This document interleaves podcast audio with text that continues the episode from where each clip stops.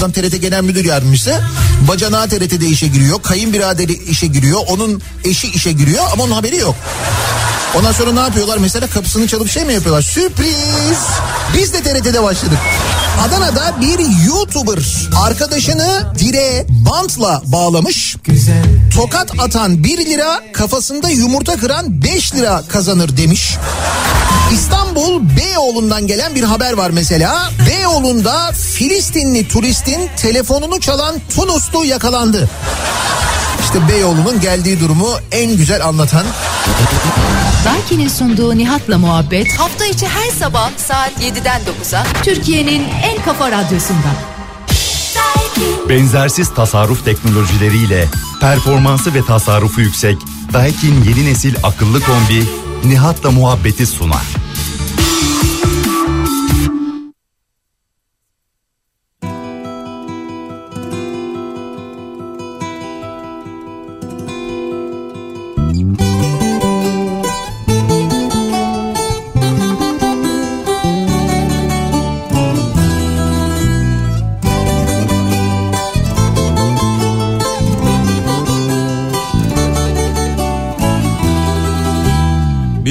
Uzanır bana Sınırların ardında. Bir el uzanır bana Sınırların ardında. Büyümeli sevdamız Kardeşlik toprağında. Büyümeli sevdamız Kardeşlik toprağında. Ver elini ver bana eftel ya Uzansın elimiz eftel ya. Benim divane gönlüm Seni ister eftel ya. Benim divane gönlüm Seni ister eftel ya. Ver elini ver bana eftel ya. Uzansın elimiz eftel ya. Benim divane gönlüm Seni ister eftel ya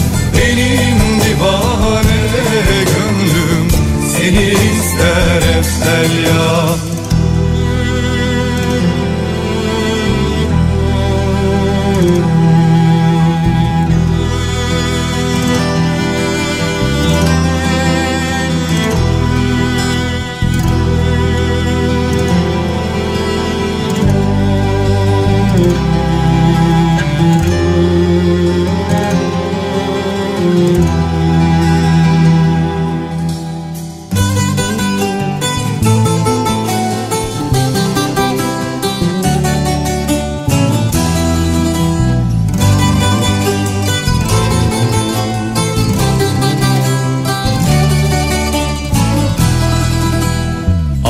topraktan geldik. Biz bize benzeriz. Aynı topraktan geldik. Biz bize benzeriz. Sevdayla dururken Neden kavga ederiz? Sevdayla dururken Neden kavga ederiz? Ver elini ver bana eftel ya Uzansın elimiz eftel ya Benim divane gönlüm Seni ister eftel ya Benim divane gönlüm Seni ister eftel ya Ver elini ver bana eftel ya Uzansın elimiz eftel ya Benim divane gönlüm Seni ister eftel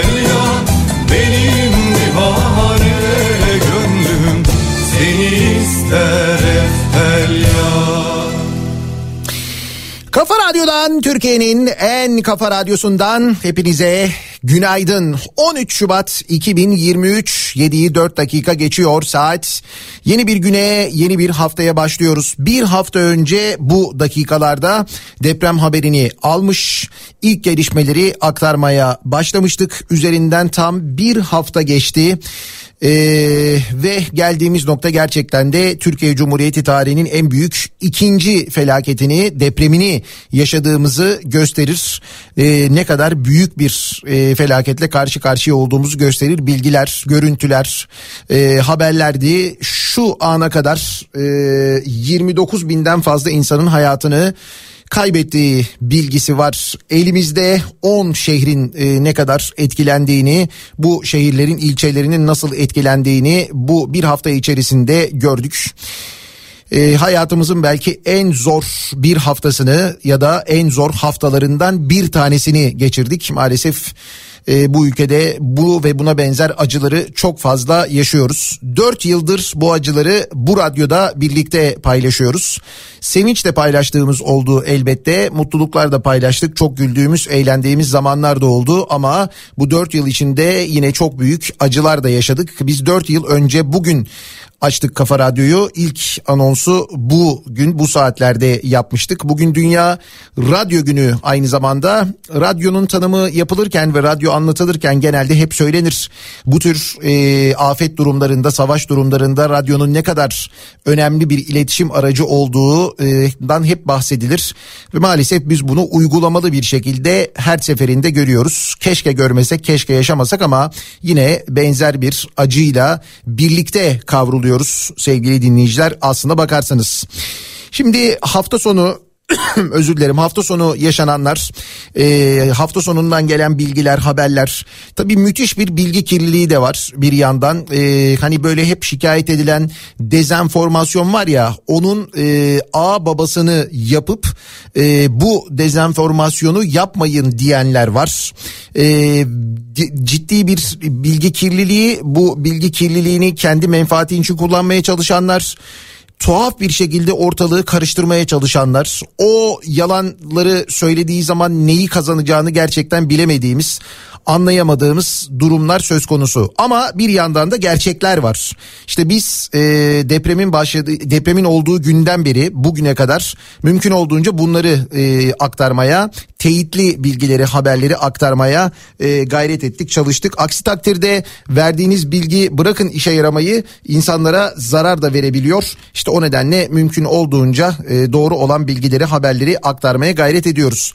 Şimdi çok böyle büyük bir e, şey de var önümde haberler de var yani aktaracağım böyle hafta sonundan hazırladığım benim bir yandan bir yandan yeni gelişmeler var aynı zamanda onları da e, aktarmaya başlayalım. Bu esnada bizi eğer özellikle de deprem bölgesinde şayet dinliyorsanız e, bize yazabilirsiniz mesajlarınızı WhatsApp yoluyla gönderebilirsiniz çünkü e, belli ki deprem bölgesinde hala iletişimle ilgili çok büyük problem var. Bakın üzerinden bir hafta geçmiş 7 gün e, ve bu 7 günün sonunda hala bölgede doğru düzgün iletişim kurulamıyor bölgeyle. Cep telefonu e, operatörleri de hala sıkıntı olduğunu biliyoruz. Biraz biraz işte kurulan e, baz istasyonları, seyyar baz istasyonları tamir edilenler falan derken çok az bir miktar e, hani daha iyi tabii bir hafta öncesine göre. WhatsApp özellikle burada çok kullanılıyor e, mesajlaşma maksadıyla. O nedenle siz de bize WhatsApp'tan yazabilirsiniz. 0532 172 52 32 WhatsApp hattımızın numarası. Buradan yazıp mesajlarınızı bize ulaştırabilirsiniz sevgili dinleyiciler. Şimdi okullarla ilgili bir kere bir açıklama Milli Eğitim Bakanı tarafından yapıldı. 20 Şubat tarihinde e, okullar açılıyor. 71 ilde eğitimin başlayacağını bir daha uzatma olmayacağını söyledi e, Milli Eğitim Bakanı Mahmut Özer e, 10 ilde ise depremden etkilenen 10 ilde ise 1 Mart'a kadar eğitim öğretime ara verildiği duyuruldu. E, 1 Mart'tan sonra 10 ilde ikili eğitime geçileceği söylendi. Ama tabii asıl tartışma konusu maalesef e, üniversiteler. Şimdi maalesef diyorum ama gerçekten de e, bu durum hakikaten pandemide yapıldı, denendi ve işin ne kadar sıkıntılı olduğu anlaşıldı. Şimdi tabii ki depremzedelerin yerleştirilecek bir yerlere ihtiyacı var. Bir konut sorunu, bir barınma sorunu var. Şimdi burada birçok çözüm var aslına bakarsanız. Bir kere e, işte konteyner kentler kuruluyor, çadır kentler kuruluyor ki çadır kentte barınmak çok zor. O konteynerlara şiddetle ihtiyaç var. Böyle konteyner kentler kurulacak. E, bölgede yaşamaya devam etmek isteyenler o bölgeden ayrılmayacak olanlar arzu ederlerse bu konteyner kentlerde kalacaklar. Bunun yanında çevre illerde depremden etkilenmeyen diğer şehirlerde ama yakın illerde insanlar misafir edilebilirler. Ee, yakın yani en azından deprem bölgesine yakın mesafede ulaşılabilecek bir turizm bölgesi var. Ee, Akdeniz'de biliyoruz. İşte mesela oradaki oteller kullanılabilir. Ee, İskenderun e, limanı ve Hatay'ın denize kıyısı olan yerlerdeki limanlarda örneğin gemilerde insanlar konaklayabilirler. Devletin bunları kiralamaya örneğin e, gücü yetecektir diye tahmin ediyorum. Üstelik lojistik olarak çok daha kolay. Yani konteyner kenti kurmaktan işte getirdin, kurdun, hazırladın, e, altyapısını hazırladın falan diye bunlar altyapısı altyapısı her şeyi hazır gemiler. Bu yolcu gemilerinden bahsediyorum. Ve üst, içinde e, işte 8 bin kişinin, 9 bin kişinin, 10 bin kişinin aynı anda konaklayabileceği gemiler var. O büyüklükte gemiler var. Belki bunlar tercih edilebilir. Ama bunları yapmak yerine bütün Türkiye'deki üniversiteleri tatil edip öğrenci yurtlarını apar topar boşaltıp öğrencilerin eşyalarını öğrencilerden habersiz çöp poşetlerine koyup bodruma kaldırmak ne oluyor? Şimdi bu eleştiriliyor doğal olarak. İktidarın gücü öğrenciye yetti başlığıyla çıkmış örneğin e, bugün Cumhuriyet Gazetesi e, 100 yılın felaketinde kriz yönetimini beceremeyen iktidar üniversiteler için uzaktan eğitim kararı verdi. Öğrenci yurtları depremzedelere açıldı. Haber verilmeden eşyaları toplanan gençler pandemide 2 yıl kaybettik. Özür dilerim uzaktan Doktor, mühendis mi olacağız tepkisi gösterdi. Plansızlığın faturasının gençlere çıkarılmaması gerektiğini söyleyen uzmanlar da eğitimde yıkım yaşamayalım uyarısı yapmış. Çok özür dilerim ben bir yudum su alacağım.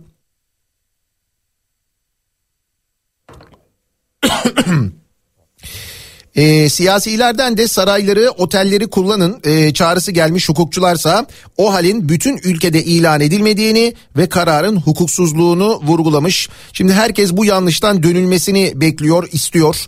E, umuyoruz hakikaten bu karardan vazgeçilir. Yani e, bazı en azından dediğim gibi deprem bölgesine yakın şehirlerdeki yurtlar belki kullanılır. Öğrenciler için başka bir çözüm üretilir ama bütün Türkiye'deki e, üniversiteleri tatil etmek daha doğrusu uzaktan eğitime geçmek gerçekten doğru bir karar mı bilemiyoruz. Tartışması devam ediyor. E, Fuat Oktay'dan GSM operatörü açıklaması gelmiş. Cumhurbaşkanı Yardımcısı Türk Telekom, Turkcell ve Vodafone depremin olduğu andan itibaren bir aylık süre için bütün görüşmeleri ücretsiz sağlayacak demiş. Ee, bunu tabii bütün Türkiye geneli için mi söylemiş sadece deprem bölgesi için mi söylemiş orada açıklamada tam bir detay yok. Ancak e, böyle bir durum var. E, hafta sonu bu ve buna benzer haberler gelmişti hatırlayacaksınız. Eee hattını kapatmak isteyen ya da internet hattını kapatmak isteyenlere e, benzer böyle bir işte fatura gönderenler falan öyle şeyler olmuştu. E, dolayısıyla e, eleştiriler çok yoğun gerçekten de e, bir yandan GSM operatörlerine sevgili dinleyiciler. Depremden zarar gören Hatay Havalimanı hizmet vermeye başladı. İyi haber e, pazar gününden itibaren dün akşam saatlerinden itibaren Hatay Havalimanı e, inişe hazır hale getirildi. Hatta gündüz saatlerinde bitti. İşte bir deneme uçuşu yapıldı. Deneme inişi ve kalkışı yapıldı. E, Devlet Hava Meydanları uçağı tarafından kontrol uçağı tarafından sonrasında da e, havalimanı hizmete açıldı ve Dün gece e, Türk Hava Yolları uçağı indi İstanbul'dan kalkan bir uçak indi e, bunun yanında bundan sonra artık e, depremle ilgili yardım taşıyacak olan uçaklarda Hatay Havalimanı'nı kullanabilecek yoğun bir şekilde kullanılacaktır diye tahmin ediyoruz. Hatay Havalimanı'nı e, İGA, e, TAV e, ve Ankara Büyükşehir Belediyesi ekipleri birlikte onardılar. Tabii ki profesyonel onarım bu işin uzmanı olan İGA ve TAV ekiplerindeydi. Ancak Ankara Büyükşehir Belediyesi e, araçları da kullanıldı. Oradaki görüntüyü hatırlıyoruz. Bunu şunun için özellikle söylüyorum. Orada e, görev yapan bu iki firmadan e, firmanın yetkililerinden bir tanesi e, bir röportaj vermiş. bu röportajda özellikle altını çize çize biz vardık diyor. Yani İGA ve TAV vardı başka kimse yoktu e, diye böyle bir röportajda altını çize çize söyledi. E, başka hiçbir özel kuruluş başka hiçbir kamu kuruluşu yoktu falan dedi de öyle değil. Biz gördük orada e, Ankara Büyükşehir Belediyesi'nin de olduğunu kaldı ki bunun da konuşmasını tartışmasını yapılması ayrıca saçma. Dedim ya size haberler var, bölgeden gelen bilgiler var. Ee, bir yandan kötü haberler var, insanı kızdıran, sinirlendiren açıklamalar var. Hepsine bakacağız. Şimdi depremin olduğu günden itibaren tabii ilk başta hep böyle bölgeden bilgi vermeye gayret ettik ama sonra doğal olarak ve millet olarak bir ciddi reaksiyon gösterdik. Herkes de böyle bir yardım etme telaşı oldu. Böyle durumlarda oluyor fakat tabii ki ciddi bir koordinasyonsuzluk. Giden yardımları yani bölgeye giden yardımları da aynı zamanda organize edememe durumu var. Yani nasıl yardım işi, can kurtarma işi organize edilemediyse maalesef oraya ulaşan yardımların dağıtılma işi de organize edilemedi. Bu görüntüye çok yabancı değiliz. Yakın zamanda meydana gelen depremlerde de oldu. Tecrübemiz var maalesef. Ben o tecrübeye dayanarak aslında söyledim. Ee, anlatmaya gayret ettim. İşte ikinci el eşya gönderilmemesi gerektiğini, çok ciddi bir yığılma olacağını, bu yığılma neticesinde gönderdiğiniz yardımların yol kenarında e, bir yerlerde çöp yığınları oluşturacağını, o hale geleceğini, çamurla karışacağını söylemiştim. Nitekim tam da dediğim gibi oldu. E, yardımların dağıtılması ile ilgili e, bölgede organizasyon yapılamamasının yanında bir de insanlara yardımları e, kafalarına atarak dağıtanlar var. Bir de böyle bir şey var. Şimdi sizin e, topladığınız işte mahallenizde ne bileyim ben arkadaşlarınızla şirketinizde firma olarak falan topladığınız yardımlar var. Bu yardımları bir tıra yüklüyorsunuz bir kamyona yüklüyorsunuz kamyonu oraya gönderiyorsunuz. Eğer orada ciddi bir organizasyon yapmadıysanız yani birisiyle bir kurumla e, konuşmadıysanız ta, biz ha, bir kamyonu Hatay'a gönderelim bir kamyonu Maraş'a gönderelim bir kamyonu bilmem nereye gönderelim. İşte oradaki AFAD yetkilileriyle gittiklerinde buluşurlar diyorsanız orada patlıyorsunuz işte çünkü öyle bir yetkiliye ulaşmak mümkün değil. Varsa bile mümkün değil. Çünkü böyle bir lojistik merkezi orada oluşturulmuş değil. Sizin gönderdiğiniz tır kamyon o şehre gidiyor. Şehrin girişinde durduruluyor. Uzun süre bekliyor. Bu arada o kamyon giderken yolda tehlikeler de geçiriyor ki onları da gördük. Ama güvenlik güçleri çok hızlı müdahale ediyorlar. O tehlikeyi yaşatanları, o kamyonların tırlarının e, önünü kesenleri hemen yakalıyorlar. E, bu kamyon yani gönderdiğiniz kamyon tır bir kuyruğa giriyor. O kuyrukta çok uzun süre bekliyor. Kamyonu götüren tırı götüren kişi bir yerden sonra artık o şeyde beklemek istemiyor. Saatler oluyor bir saat üç saat beş saat on saat falan derken işte deniyor ki mesela şuraya doğru git ya da şu arka yoldan git ya da buradan şu ilçeye git. O ilçeye ya da oraya doğru gidiyor. Orada da bir organizasyon yok. Ne yapıyor? İşte şehrin girişine ulaşabildiğinde açıyor kamyonun e, kapılarını tırın brandasını neyse üstünde ne var ne yok onların hepsini yol kenarına boşaltıyor ve gidiyor. Ya da e, şöyle e, dağıtıyor. E, işte mesela Malatya'da depremzedelerin yardım dağıtımı için beklediği bölgeye gelen tırdaki koliler içinde ne var ne yok bakılmadan gelişi güzel dağıtıl, dağıtıldı diye haber var mesela. Yani siz yazıyorsunuz ya işte o kolileri diziyorsunuz hazırlıyorsunuz işte diyorsunuz bebek kıyafeti bilmem ne bunları koli koli insanlara atıyorlar. Böyle açıp bir dağıtma durumu henüz söz konusu değil. Orada bu konuyla ilgili çok ciddi bir kaos var ve çok fazla şu anda giyim malzemesi gittiğini biliyoruz. Bundan sonra eğer barınma problemi de çözülürse bundan sonraki aşamada barınma problemi çözülürse orada e, bir lojistik merkezi kurulursa e, belki o zaman gönderilen bu yardımlar doğru düzgün dağıtılmaya başlayacak. Biz o zaman aslında nelere gerçekten ihtiyaç duyulduğunu öğreneceğiz. O zaman buradan sizlere aktaracağız. Ama tabii e, işte acil olan ihtiyaçlar ve en acil ihtiyaç aslında iletişim. O iletişimin hala enkaz altında olduğunu söylüyoruz. Üstelik e, 2019'daki İstanbul depremi sonrası sonrası hükümetin haberleşme kapasitesi arttırılacak. 3 ay içinde afet için ortak hat kurulacak vaatleri de varmış. Mesela onlar hatırlatılmış. Varlık fonunun ortak olduğu Türksel ve Telekom'da afete dönük yatırım yapılmadığı tepkileri gelmiş. Uçan baz istasyonu, dronsel ve acil iletişim aracı en gerekli olduğu zamanda nerede diye sorulmuş.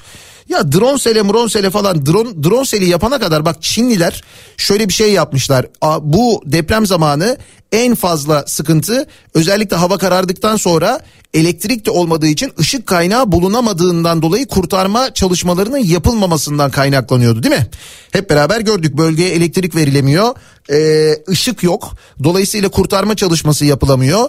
Bakıyoruz haber kanallarının e, yayın için kullandığı ışıkları kullanıyor insanlar kurtarma çalışması yapabilmek için. Çinliler şöyle bir şey yapmışlar. Bir drone geliştirmişler. Drone yerden havalanıyor.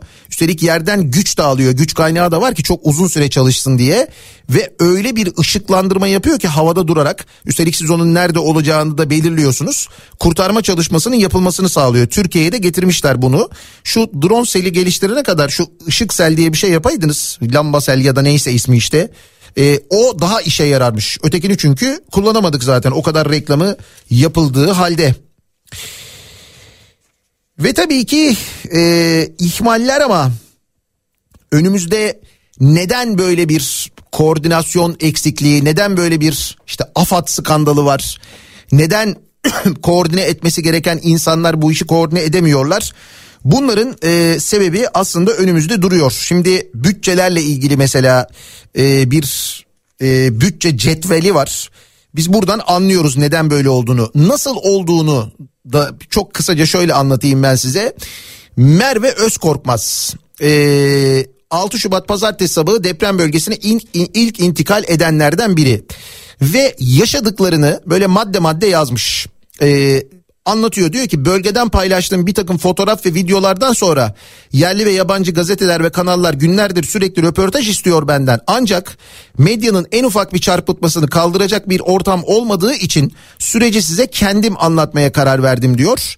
O nedenle ben de hani böyle bir çarpıtma falan da olmasın diye bizzat kendi ağzından yazdıklarını buradan size aktarmak istiyorum ki o bölgeye böyle sıcağı sıcağına ulaşan gönüllülerden bir tanesi baştan sona neler yaşamış siz de öğrenin diye. Diyor ki benim arama kurtarma girişimim 2021 Temmuz'unda başladı diyor. Orman yangınları sonrasında Ağustos'taki Kastamonu sel felaketinden sonra demiş ki ben demiş böyle hani oturduğum yerde kalmayayım bir şeyler yapayım demiş. Eğitim alabileceğim birçok STK olduğunu gördüm diyor. Ee, ama diyor dışarıdan yardım gelmesini beklerken mahalle örgütlenme fikrini savunan bir gruptan eğitim almaya karar verdim. Sakarya'da e, 30 kişilik bir ekip olmamız gerektiğini söylediler. Gerekli başvuruları yaptık.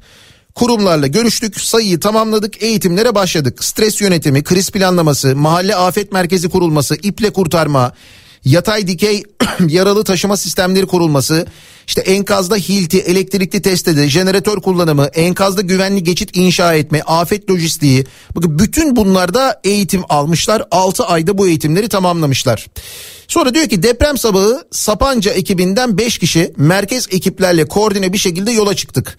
7 üstü bir depremi 99 yılında yaşamış binanın çatısının yıkılması sebebiyle karanlıkta kısmi bir yıkıntıdan çıkmış bir depremzedeyim diyor. Depremi de yaşadım diyor biliyorum diyor. Yarım gün içerisinde yarım gün içinde 99 depreminde askerlerin çadır kurulumlarını tamamladıklarını, çadırlardaki sobayla ısındığımızı 12 saat içinde karnımızın sıcak yemekle doyduğunu daha ertesi sabah Kızılay'ın battaniyesi, battaniyesiyle uyuduğumu hatırlıyorum. Kafamda bu senaryoyla ve yeni öğrendiğim arama kurtarma bilgileriyle yola çıktım. Plan uçakla en hızlı şekilde bölgeye intikal edilmesiydi. Aracımızla kar yağışlı İstanbul yolunda bir, bir kaza atlatarak inanılmaz hızlı bir şekilde havalimanına vardık. Bütün güvenliklerden saniyeler içinde geçtik. Ancak uçağa sevkimiz ve kalkış 2 saat sürdü. Yolculuk ve iniş 2 saat daha Gaziantep Havalimanı bölgede tek sağlam kalan iniş alanı olduğundan buraya iniş yaptık. Otobüslere sevk edilip Gaziantep Afet Merkezi'ne yönlendirildik. Afet merkezini bulmamız iki buçuk saat sürdü. Şimdi bakın bundan sonra afet işte AFAD var bundan sonra koordine etmesi gereken yapması gereken ya. Afet merkezini bulmamız iki buçuk saat sürdü. Çünkü boşaltılan ve taşınan iki farklı lokasyona yanlış gittik ve kimse faal AFAD binasının nerede olduğunu bilmiyordu. Deprem olmuş. AFAD devreye girecek. Ee, işte gönüllüler buradan yola çıkıyorlar hatta Sapanca'dan İstanbul'a geliyorlar. İstanbul'dan uçağa biniyorlar Antep'e gidiyorlar. Antep'ten e, otobüse biniyorlar. Deprem bölgesine gidiyorlar fakat AFAD'ın merkezini bulamıyorlar. Yani bir konum atma, belirleme, birisi yönlendirsin falan daha buradan başlıyor. Bu saatler sonunda 3. lokasyonda binaya vardık ve bir saat otobüste sevk edileceğimiz yeri bekledik. Saatler geçiyor bu arada. Gaziantep'in Islahiye ilçesine yönlendirildik. Yolda trafik vardı. Yakınlarına ulaşmaya çalışanlar ve şehirden kaçmaya çalışanlar yolu tıkamıştı. Yoldaki yarıklardan pek çok araç geçemiyordu. Birbiriyle bağlantılı birkaç deprem olduğu için bölge yolları hem gidiş hem de geliş çift tarafta kilitlenmişti. Ambulanslar ve arama kurtarmacılar maalesef hareket edemiyorlardı. Bir saatlik ana yolu 4 saatte geçtik ve Islahiye'ye saptık. Bu sefer de yola köprünün yıkılmış olduğunu gördük. Otobüs off-road bir araç olmamasına rağmen yan tarafından risk alarak geçti ve kriz merkezine depremden 14 saat sonra vardık. Yol boyunca bir şey yapamamanın verdiği azapla gözümüzü kırpmadık. Afet merkezine vardığımızda bir polis arabası, bir tank, bir mobil tır kapalı bir şekilde bekliyordu. Tuvaletler taşmıştı, içecek su, yatacak yer, sarılacak battaniye yoktu. Polis benden, ben askerden, kriz merkezi jandarmadan su istiyordu. Kimse de içecek su yoktu. Elektrik vardı bir tek jeneratör sayesinde ve biz komut almaya hazır beklerken bize şöyle dendi. 14 saat sonra gelmişler. Ee, arama kurtarma konusunda eğitimliler. AFAD'ın direktiflerini dinliyorlar, bekliyorlar. Dediler ki otobüste uyuyun sabah çıkarsınız. Eğitimlerde saniyelerle yarıştırılırken gerçek bir afet anında uyu uyuma e, uyuyun komutu aldık. Yıkılan binaların tespiti ve gelen ekiplerin dağıtımı yapılamamıştı. Bürokratik yazılar ve imzalar bekleniyordu. İmza bekleniyormuş imza. Deprem sonrasında AFAD yetkilileri imza bekliyorlar. Acil durumda bile harekete geçilemiyordu. AFAD'ın devlet bürokrasisinin içinde nasıl işlevsiz kaldığını o an anladım. İlk ekibin helikopter ve malzeme ile direkt alana kriz merkezine bile değil mahallelere sevkiyatı sağlanabilir. AFAD'ın içinden çıkamadığı envanteri biz bu süreçte çok kısa zamanda oluşturabilir. İhtiyaç duyulan makine ve teçhizat konusunda bilgilendirme yapabilirdik. Yetkilendirme yapılmadı, sorumluluk alınmadı. Kar soğuğunda enkaza müdahale edemediğimiz dakikalarda uyuyamadım. Otobüsten inip alandaki ekip başlarından bilgi almaya çalıştım. Neden sorularımın cevabı yoktu. Kötü bir niyet de yoktu. Herkes birbirinin suratına boş boş bakıyordu. Devlet destekli bir afet kurumunun iş yapamamazlığıydı karşımdaki. Ancak zaten bu kurumu bu yıla kadar e, bu halde var etmek buna göz yummak kötü niyetin ta kendisiydi. Sabah otobüsün içinde uyuyorlar bekliyorlar yani kurtarma ekipleri. Sabah aç susuz uykusuz tuvaletini yapamamış bir şekilde alana sevk edildik. Atandığımız enkazda bir inşaat ustası ve birlikte çalıştığı inşaat işçileri 5 kişiyi kazma kürekle çıkarmışlardı. Geriye insan gücünün yetmediği çatı ve katları kontrollü kaldırarak altındaki 20 kişiyi çıkarmak kalmıştı. 30. saatteydik. Alandaydık ancak ekipmanımız yoktu. Siz uçakla gidin arkadan göndereceğiz denilen ekipmanlar karayollarının kilitlenmiş yıkılmış durumunda bize ulaşamadı. İkinci günümüz sadece alan arazi, enkazda sesle kontrol, enkaz yakınlarını sakinleştirme, onlardan bilgi alma, mahalleden sağ kalanların bulduğu ekipmanlarla ufak tefek girişimler yaparak geçti. Çok üşüdük, su içmedik, sıcak herhangi bir gıda yiyemedik ekip ve mahalledekiler olarak. Üçüncü gün kriz merkezi kalabalıklaştı, koordinasyon hızlandı ancak kalabalığa yetişemedi. Ufak vinç ve ufak ekskavatörlerle çatıyı kaldırma denendi, başarısız olundu. Enkaz altından gelen sesler artık gelmemeye başladı. İkinci gün gelen sesler üçüncü gün gelmemeye başladı. Köpekle kontrol yapıldı, canlılık belirtisine ulaşılamadı. Enkazdan hafif ceset kokuları gelmeye başladı. Rüzgar çok olduğundan koku alamamış olabilir diye enkaz alanımızın değiştirilmemesine karar verildi. Akşamında kriz merkezine döndüğümüzde temiz mobil tuvalet vardı. Mobil tır işlevlendirilmiş iki tane çadır kurulmuş sıcak yemek pişirilmişti. İlk defa ellerimizi yıkadık. İlk defa uyuduk. Dördüncü gün neredeyse bütün çeşitteki ve büyüklükteki makineler alandaydı. Yabancı ekipler gelip gidiyordu. Helikopter sesleri ilk kez duyuluyordu. Bütün süreci aynı inşaat ustası yönetti.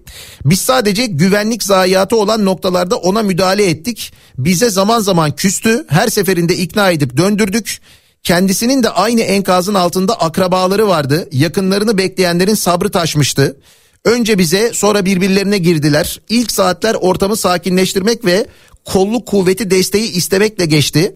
Eksiksiz olunmasını takiben olabildiğince müthiş bir hızla çatı kaldırıldı.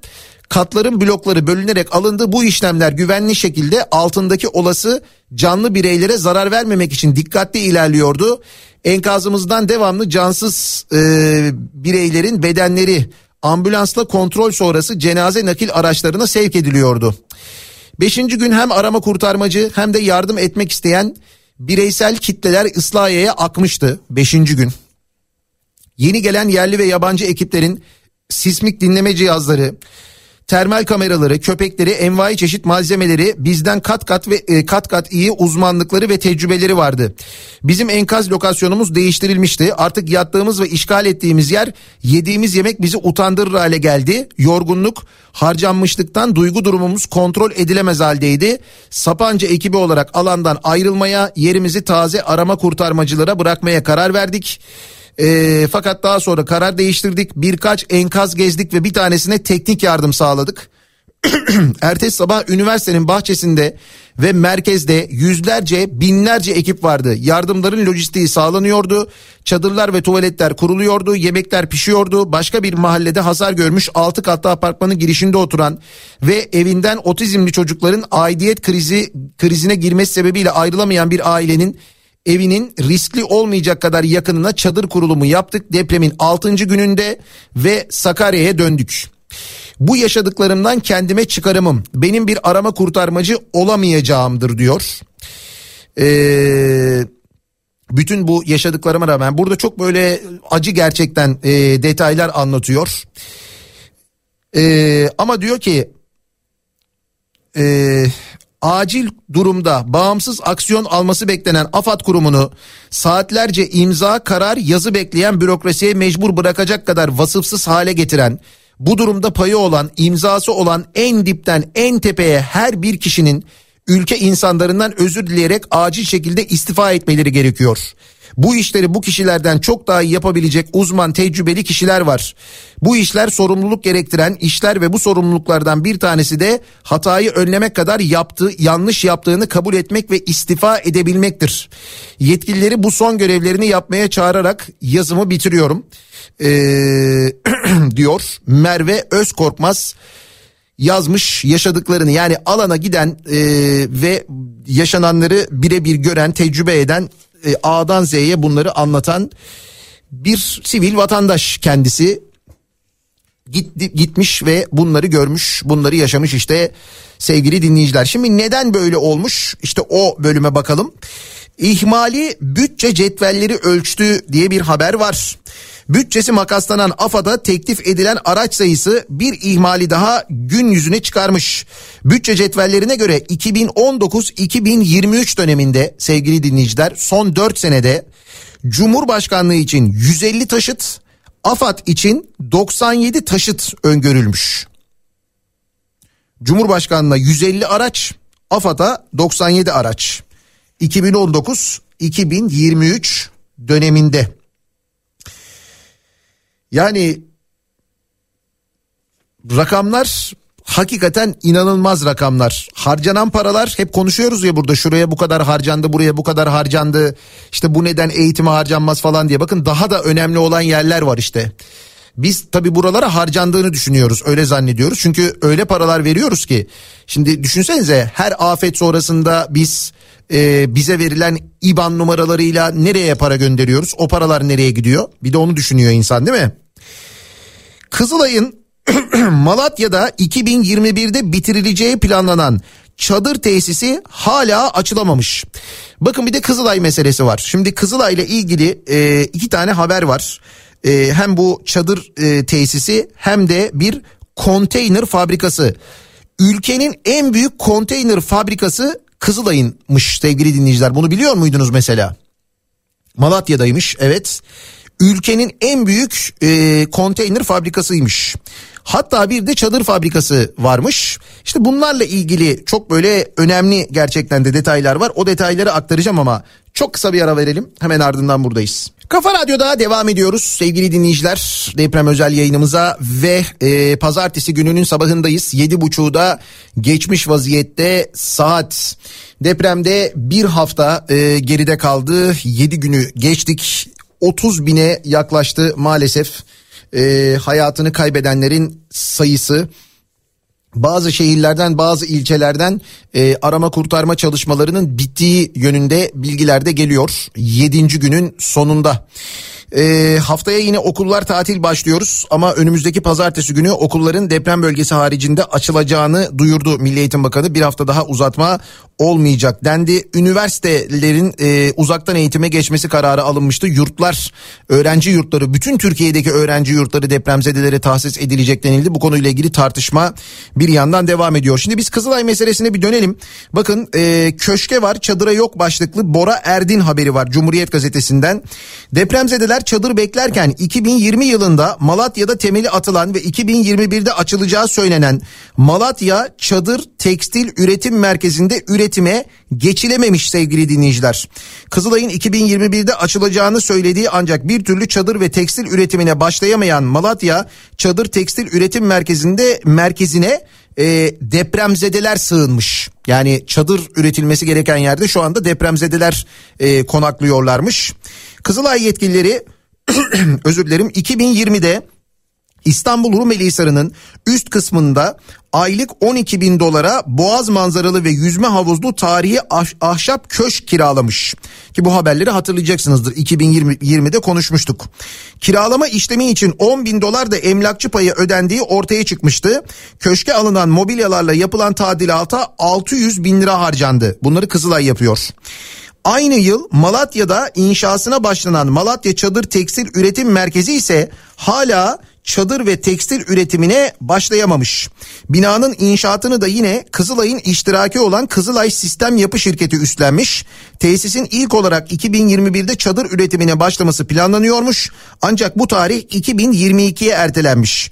Fakat 2023'e gelindiğinde Malatya'daki çadır üretim tesisi halen üretime geçememiş. Kızılay'la yaptığımız görüşmede aldığımız bilgi ise daha acıydı diyor Bora Erdin. Konteyner üretimi yapıldığını ifade eden yetkili fabrikanın boş çadır ve tekstil üretimi için henüz bitirilemediğinden boş olan kısmında depremzedeleri ağırladıklarını söylemiş. Şimdi konteyner üretimi yapılıyor diyor ya bu haberde konteyner üretimi ne durumdaymış ona bakalım. Bunu da İsmail Arı yazmış e, bir gün gazetesinde e, Malatya'daki ülkenin en büyük konteyner fabrikasının sahibi Kızılay depremzedeler için konteyner üretemiyor. Afetler için de hiç konteyner stoklamayan Kızılay yönetimi fabrikaya bir kebapçıyı torpille müdür yapmış diyor. Haber bu. Konteyner fabrikasına. Depremzedelerin acil olarak çadır ve konteynerlere ihtiyacı var. Malatya'daki ülkenin en büyük konteyner üretim fabrikası ise skandallarla anılan Kızılay'a aitmiş.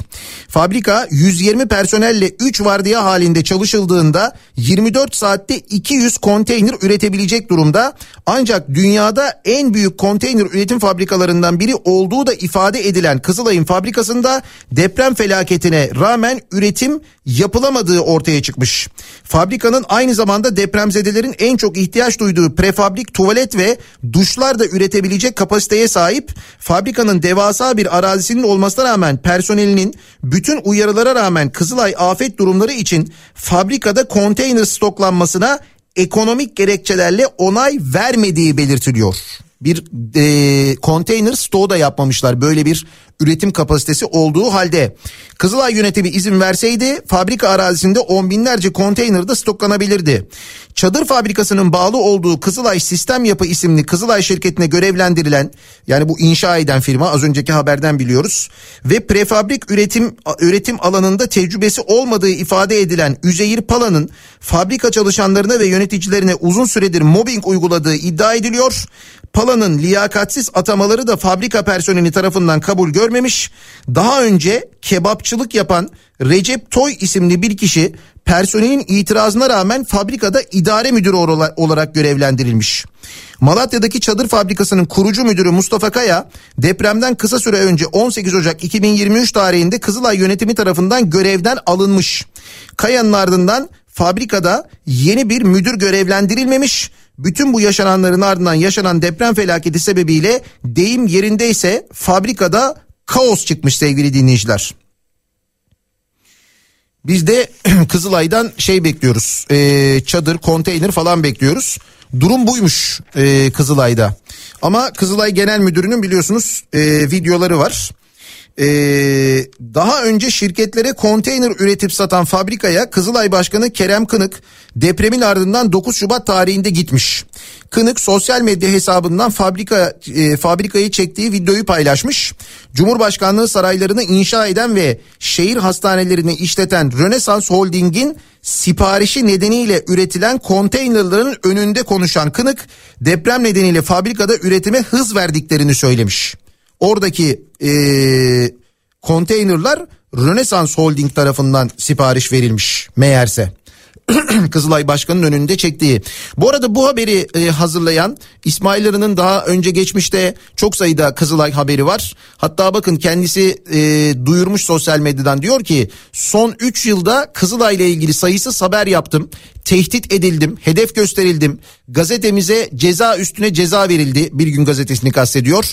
İlanlarımız kesildi. 4 ay önce Kızılay Başkanı'nın açtığı davayla bana 2 yıl hapis cezası verildi korkan geri adım atan namerttir inadına yazacağız diyor. Nitekim bu konteyner haberini de İsmail Sarı hazırlamış. Yine deprem bölgesinden bir başka haber daha TOKİ tarafından yapılarak 2016 yılında açılan Hatay Şehir Hastanesi. Şimdi bölgedeki o İskenderun'daki yıkılan hastaneyi biliyoruz biliyorsunuz. Ee, Hatay'da Defne ve Akademi Hastaneleri yıkılmıştı. Özel hastaneler bunlar. İskenderun'da Devlet Hastanesi yıkılmıştı.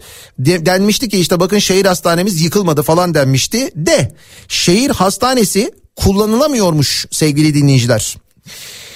Yaralılar başka illere taşınmış ve hastane hizmet veremez hale gelmiş. Hatay'da 2010 yılında temeli atılan ve 2016'da hizmete giren TOKİ'nin yaptığı şehir hastanesi depremde yıkılmamış ancak kullanılamaz hale gelmiş. İçinde 124 yoğun bakım ünitesi, 24 ameliyathanesi bulunan ve günde 9 bin poliklinik hastasına hizmet verilecek şekilde 101 milyon liraya yapılan hastane kullanılamadığı için sağlık hizmetleri bahçedeki çadırlarda veriliyormuş. Türk Tabipleri Birliği kriz masası adına Hatay'da sağlık hizmetlerini inceleyen Profesör Ali İhsan Ökten, şehir hastanesi kamu özel işbirliğiyle yapılmamıştı. Bakanlık yaptırmıştı. İçeride hasar olduğu için tamamen kapatılmış durumda. Şu an kullanılamıyor. Çadırlarda ilk müdahale yapılıp hastalar sevk ediliyor. Yerlerde battaniye ve ceset torbalarına konulmuş cenazeler var demiş. Yani bina ayakta ama hasarlı. Hani o bir şey olmadı denilen şehir hastanesinin de durumu bu. Bütçelerden konuşuluyor konuşuyorduk. Ee, işte mesela AFAD'ın bütçesinden bahsediyorduk. Ee, AFAD'a ne kadar bütçe ayrıldığından bahsediyorduk. Ya da e, son 3 yıl içinde son 4 yıl içinde Cumhurbaşkanlığına 150 araç ama işte AFAD'a daha az araç e, alındığından bahsediyorduk değil mi? Hatta ne kadardı rakam 97 araç. Diyanet'in bütçesi AFAD'ın dört buçuk katı sevgili dinleyiciler. Vatandaş 2023 yılı için iki kuruma ayrılan bütçeleri karşılaştırmış. Personel eksikliği resmi verilerle ortaya konulan AFAD'ın bütçesi 2023 yılında yüzde 33.6 makaslanırken yani azaltılırken Diyanet'in bütçesinde ise yüzde 56.6'lık artış yaşanmış sevgili dinleyiciler. 2023 yılında Cumhuriyet'in 100. yılında AFAD felaket bekleyen, deprem bekleyen ülkenin e, bu afetlere müdahale edecek ve bu müdahaleyi organize edecek kurumunun bütçesi yüzde 33 kesintiye uğramış. Ama Diyanet'in bütçesi yüzde 56.6 arttırılmış iyi mi? Hatta şöyle bir bilgi de var. Diyanet'in garajında biri VIP minibüs olmak üzere 53 araç bulunuyor. Başkanlık ayrıca 1455 kiralık araç kullanıyor. Diyanet'in toplam araç sayısı 1508. AFAD'da ise 25'i kiralık olmak üzere minibüs, pick-up, arazi araçları, otobüs, tıbbi donanımlı ambulans gibi araçların aralarında bulunduğu 1233 araç bulunuyormuş. AFAD'ın 1233 aracı var. Diyanet'in 1508 aracı var.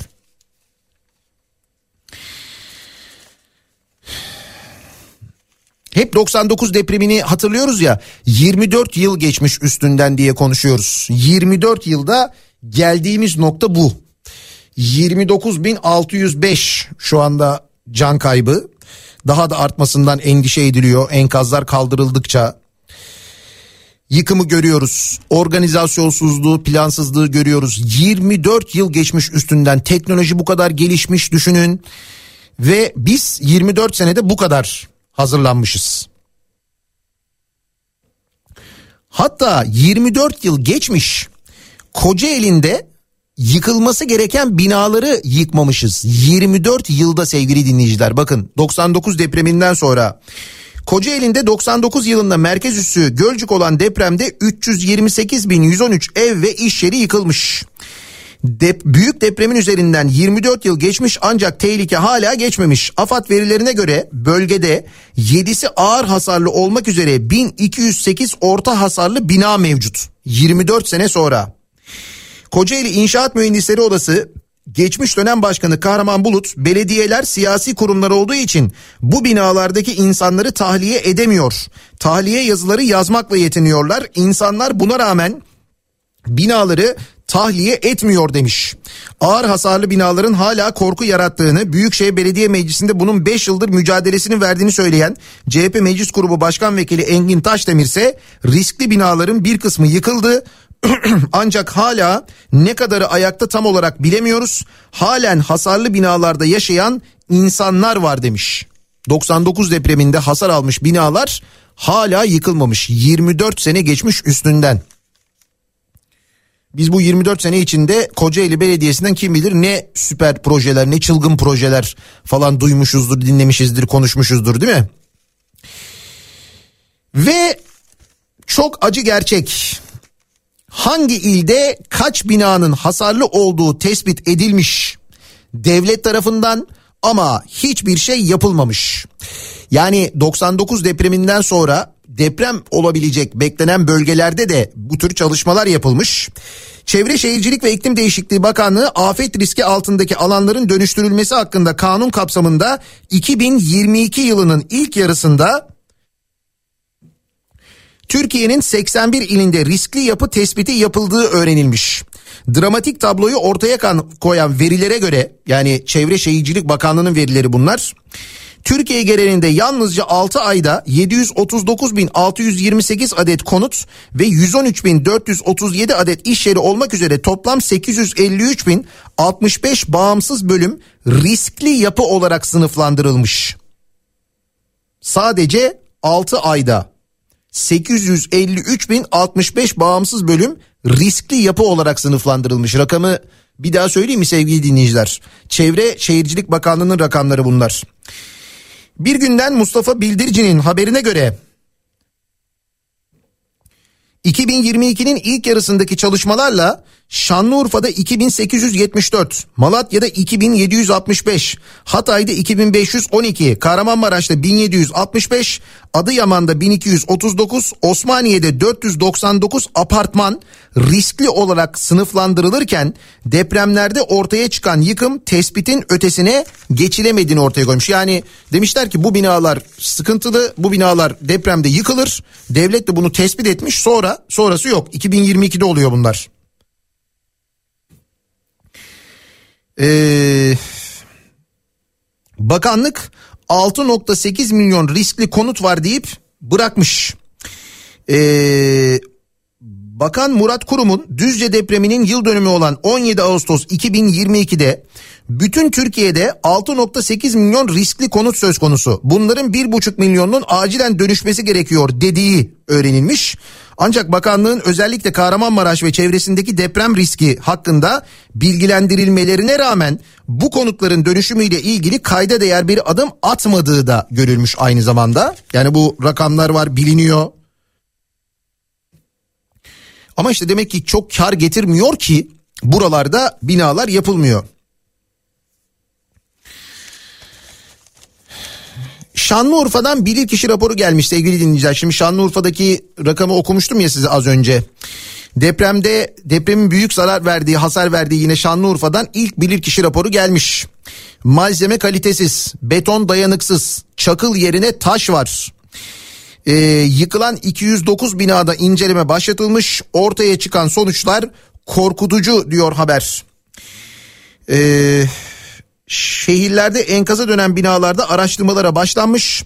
Şanlıurfa'da bilirkişi heyeti oluşturulmuş. Arama kurtarma çalışmalarının tamamlanmasıyla heyet tarafından yıkılan 209 binada inceleme başlamış. Yapılan ilk araştırmalarda ihmalkarlıklar gözler önüne serilmiş. Ciddi malzeme eksiklikleri olduğu tespit edilirken kullanılan malzemelerin kalitesiz, betonun dayanıksız olduğu belirlenmiş. Malzeme kalitesinin standartların çok altında olduğu belirt- belirten görevli inşaatlarda en fazla 3 santimetre büyüklüğünde çakıl olması gerekiyorken yumruk büyüklüğünde büyük taşlar gördük. Bu da beton dayanımında ciddi düşüşlere sebep olan bir şey demiş.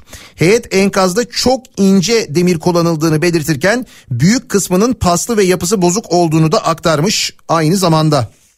Şimdi daha kim bilir bu binalarda yapılan incelemelerde neler göreceğiz? Kim bilir daha nelerle karşılaşacağız? Ve müteahhitler tabii bunları yapanlar. Bu inşaatları yapanlar. Şimdi takdiri ilahi diyen mi ararsınız? Mukadderat diyen mi ararsınız? Kıbrıs'a kaçıp orada yakalananı mı ararsınız? Suçu birbirlerinin üstüne atanlar mı ararsınız? Ee, suçlu olduğu halde mesela e, gözaltına alınmayan AKP ilçe başkanı olduğu anlaşılan millet e, bak şey mi ararsınız yetkili müteahhit mi ararsınız? E, bir de üstüne utanmadan ben oradayım çalışmalara katılıyorum falan diye böyle Türk bayraklı paylaşım yapmış bu tip. Şimdi bakın Hatay'da yaptığı her dört binadan biri yıkılan e, Özburak İnşaat var. Hikmet Günsaymış sahibi. Kentte depremde en fazla binası yıkılan müteahhitlik şirketi olarak kayda geçmiş. Kahramanmaraş'ta meydana gelen depremler sonrasında müteahhitler araştırılıyor. Bahadır Özgür'ü takip ediyor musunuz Twitter'dan sevgili dinleyiciler? Takibe alınız. Ee, gazeteci Bahadır Özgür ve depremde yıkılan binaların müteahhitlerini, bu müteahhitlerin ilişkilerini, şecerelerini çıkartıyor. Yani böyle bunları da bu arada kamuya açık bilgilerle yapıyor. Ee, sosyal medya üzerinden, internet üzerinden yaptığı araş, araştırmalarla devletin halka açık bilgilerinden, şirket bilgilerinden falan e, bu depremde yaptıkları binalar yıkılan müteahhitlerin e, öz geçmişlerini, iş geçmişlerini, siyasi geçmişlerini hepsini e, ortaya çıkarıyor. Lütfen e, takip ediniz. ibret olsun gerçekten de Bahadır Özgür'ü tebrik ediyorum ayrıca ama Twitter'dan siz de takip ediniz. Sıcağı sıcağını okuyunuz. Şimdi onun bilgilerini derlemiş bu gazete haberi. E, diyor ki e, Bahadır Özgür bu haberinde Hatay'da en fazla binası yıkılan Özburak İnşaat'ın sahibi Hikmet Günsay'ı incelemiş. Özgür deprem bölgesinde incelediği Özburak İnşaat'ın sahibi Günsay'ın bir röportajında ilkokul mezunuyum 1500'den fazla konut yaptım dediğini bununla övünüyor. 2005'te Özburak İnşaatı kurduğunu belirtmiş. Özgür şimdilik teyit edilmiş binalarının %25'i yerle bir oldu. Neredeyse ayakta kalmış bir parça dahi yok. Hepsi 2010 sonrası yapılmış ifadelerini kullanmış. Özel bir hastane de varmış bu arada bu Özburak İnşaat'ın yaptığı. O özel hastane de aynı zamanda yıkılmış sevgili dinleyiciler. Hatay'da geçen yıl inşa edilen bina bile çökmüş. İshar Plaza diye bir bina varmış Hatay'da. Ee, Antakya ilçesi Daplan sokakta bulunan bütün binaların yıkıldığı ve İshar inşaatın İshar diye geçiyor. İnşaatın geçen yıl tamamladığı İshar 10 apartmanının da bunların arasında yer aldığı belirtilmiş. 2015 yılında inşaat mühendisi İsa Harbeli tarafından kurulan şirketin 2020'de yapımını tamamladığı İshar Plaza'nın da depremde yıkıldığı ortaya çıkmış. Plaza'nın şirketin sosyal medya hesaplarında bölgenin en prestijli ofis projesi olarak pazarlandığı da belirtilmiş.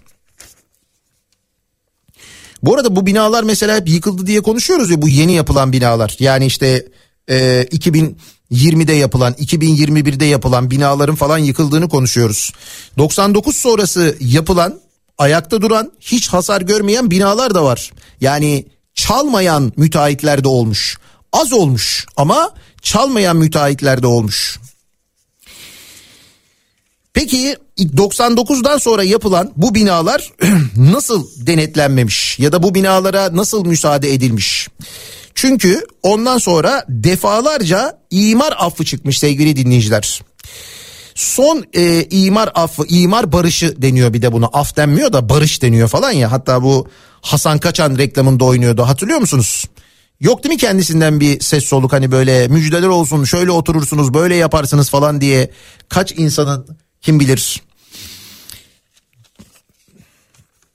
kanına girdi Hasan Kaçan. Yok e, depremden sonra kendisinin bir açıklaması yok. 294 bin kaçak yapı imar affına sığınmış sevgili dinleyiciler. Depremin vurduğu 10 şehirde sadece 10 şehirde yani depremin olduğu 10 kentte 294 bin kaçak yapı imar affına sığınmış. Sonuç işte sonuç ortada. Ee, şehir plancısı olan aynı zamanda İstanbul Büyükşehir Belediyesi Genel Sekreter Yardımcısı Doktor Buğra Gökçe imar aflarının yarattığı tabloyu rakamlarla ortaya koymuş. İmar aflarının sağlıklı nitelikli güvenli konut stoğuna kavuşmanın önündeki en büyük engel olduğunu vurgulayan Gökçe, imar afları 1948'den bu yana çeşitli zamanlarda gelir temin etme, gece kondu bölgelerine belli hizmetlerin götürülmesi ve kayıt altına alınması amacıyla kullanıldı. Bu son yapılan e, imar aflarının hepsi para için yapıldı biliyorsunuz değil mi? Oradan gelecek paraya bel bağlandı çünkü. Eee özellikle 2018'de çıkartılan imar barışı uygulamasına değinen Gökçe, imar barışı önceki imar af, aflarından boyut, kapsam, nitelik bakımından ayrılır. Bu kanunla 2018 yılına kadar imar mevzuatına aykırı durumlar beyanla kayıt altına alındı. Bakanlıktan alınan yapı kayıt belgeleriyle sorunlu konutlar korundu diye konuşmuş.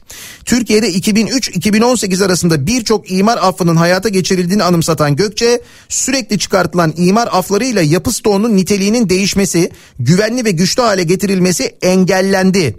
Türkiye her imar affıyla daha büyük risk aldı, daha büyük bir sorunla karşılaştı diye konuşmuş.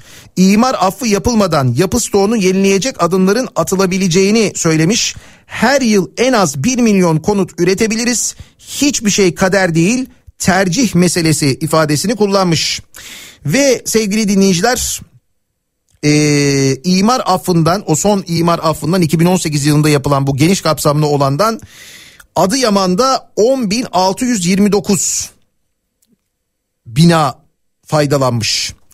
Adana'da 59.247, Diyarbakır'da 14.719, Gaziantep'te 40.000, Hatay'da 56.000, Kahramanmaraş'ta 39.000, Kilis'te 4.800, Malatya'da 22.000, Osmaniye'de 21 bin, Şanlıurfa'da 25 bin bina. Toplam 10 şehirde 294 bin 165 bina bu imar affından faydalanmış. Son 2018'deki imar affından. Şimdi imar affı deyince şunu da unutmayalım. Bu aklımızın bir köşesinde olsun diye söylüyorum. Şimdi öyle ya da böyle belli ki ertelenecek başka bir tarihte yapılacak ama seçimler geliyor. İmar affı vardı biliyorsunuz mecliste. Evet mecliste imar affı vardı. Bu arada mecliste e, ayın 21'ine kadar tatilmiş. 21'ine kadar mecliste çalışmayacakmış. Onu da nereden öğreniyoruz? Ee, AKP Grup Başkan Vekili Mustafa Elitaş sosyal medya hesabından yaptığı paylaşımda depremzedelere yardımcı olabilmek ve acılarını paylaşmak için milletvekillerini deprem bölgelerine gönderdiklerini söylemiş. O nedenle 21 Şubat'a kadar meclis çalışmayacak demiş. Şimdi birçok şey bekleniyor ya meclisten. Mecliste bir tanesi imar affı. Şimdi konuştuğumuz bu imar affı var ya. Heh, şimdi onun yenisi çıkarılsın diye e, önerge verdi. Önergeyi veren kim? Büyük Birlik Partisi lideri Destici sevgili dinleyiciler. Evet. Ve 9. imar affını isteyen Mustafa Destici e, deprem bölgesine gitmiş ve e, yaşananları anlatırken ağlamış. Mecliste konuşmuş deprem bölgesinde yaşadıklarını anlatmış. Bunları anlatırken gözyaşlarına hakim olamamış. Çok etkilenmiş. Kendisinin hazırladığı 9. imar affı mecliste bekliyor bu arada. Ve ee, 23 Kasım 2022'de yaşanan 6 büyüklüğündeki Düzce depreminin ardından yine mecliste alınacak önlemlere dair meclis araştırması açılması istenmiş. 23 Kasım'da Düzce depremi olunca bu yeni geçen sene denilmiş ki bakın deprem yine kendini hatırlattı. İşte büyük deprem bekliyoruz. Söyleniyor, anlatılıyor. Hem e, Doğu Anadolu'da bekleniyor hem Marmara'da bekleniyor. Bununla ilgili mecliste bir araştırma komisyonu kurulsun, hazırlıklar yapılsın diye. Teklif AKP ve MHP'nin oylarıyla reddedilmiş. CHP Hatay Milletvekili Mehmet Güzel Mansur genel kurulda söz alarak Hatay'daki deprem tehlikesine dikkat çekmiş. Ancak sesi duyulmamış. Güzel Mansur'un o konuşması şöyle. Bakın depremden önce Hatay milletvekili mecliste konuşma yapıyor. Diyor ki deprem ülkemizin bir gerçeği ancak alınan önlemlerle can kayıplarını önlemek, zararlarımızı minimize etmek mümkün. Hatay'ın da çok önemli bir deprem tehlikesi var. Özellikle kent merkezi Antakya ve Defne, Defne'de diri fay hatları üzerinde bulunuyor.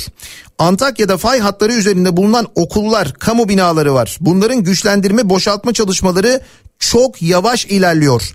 Her konuda Hatay'a üvey evlat muamelesi yapan iktidarın deprem konusunda bu tavrından vazgeçmesini umuyorum diyor Hatay milletvekili depremden önce Türkiye Büyük Millet Meclisi'nde ve önerge veriliyor.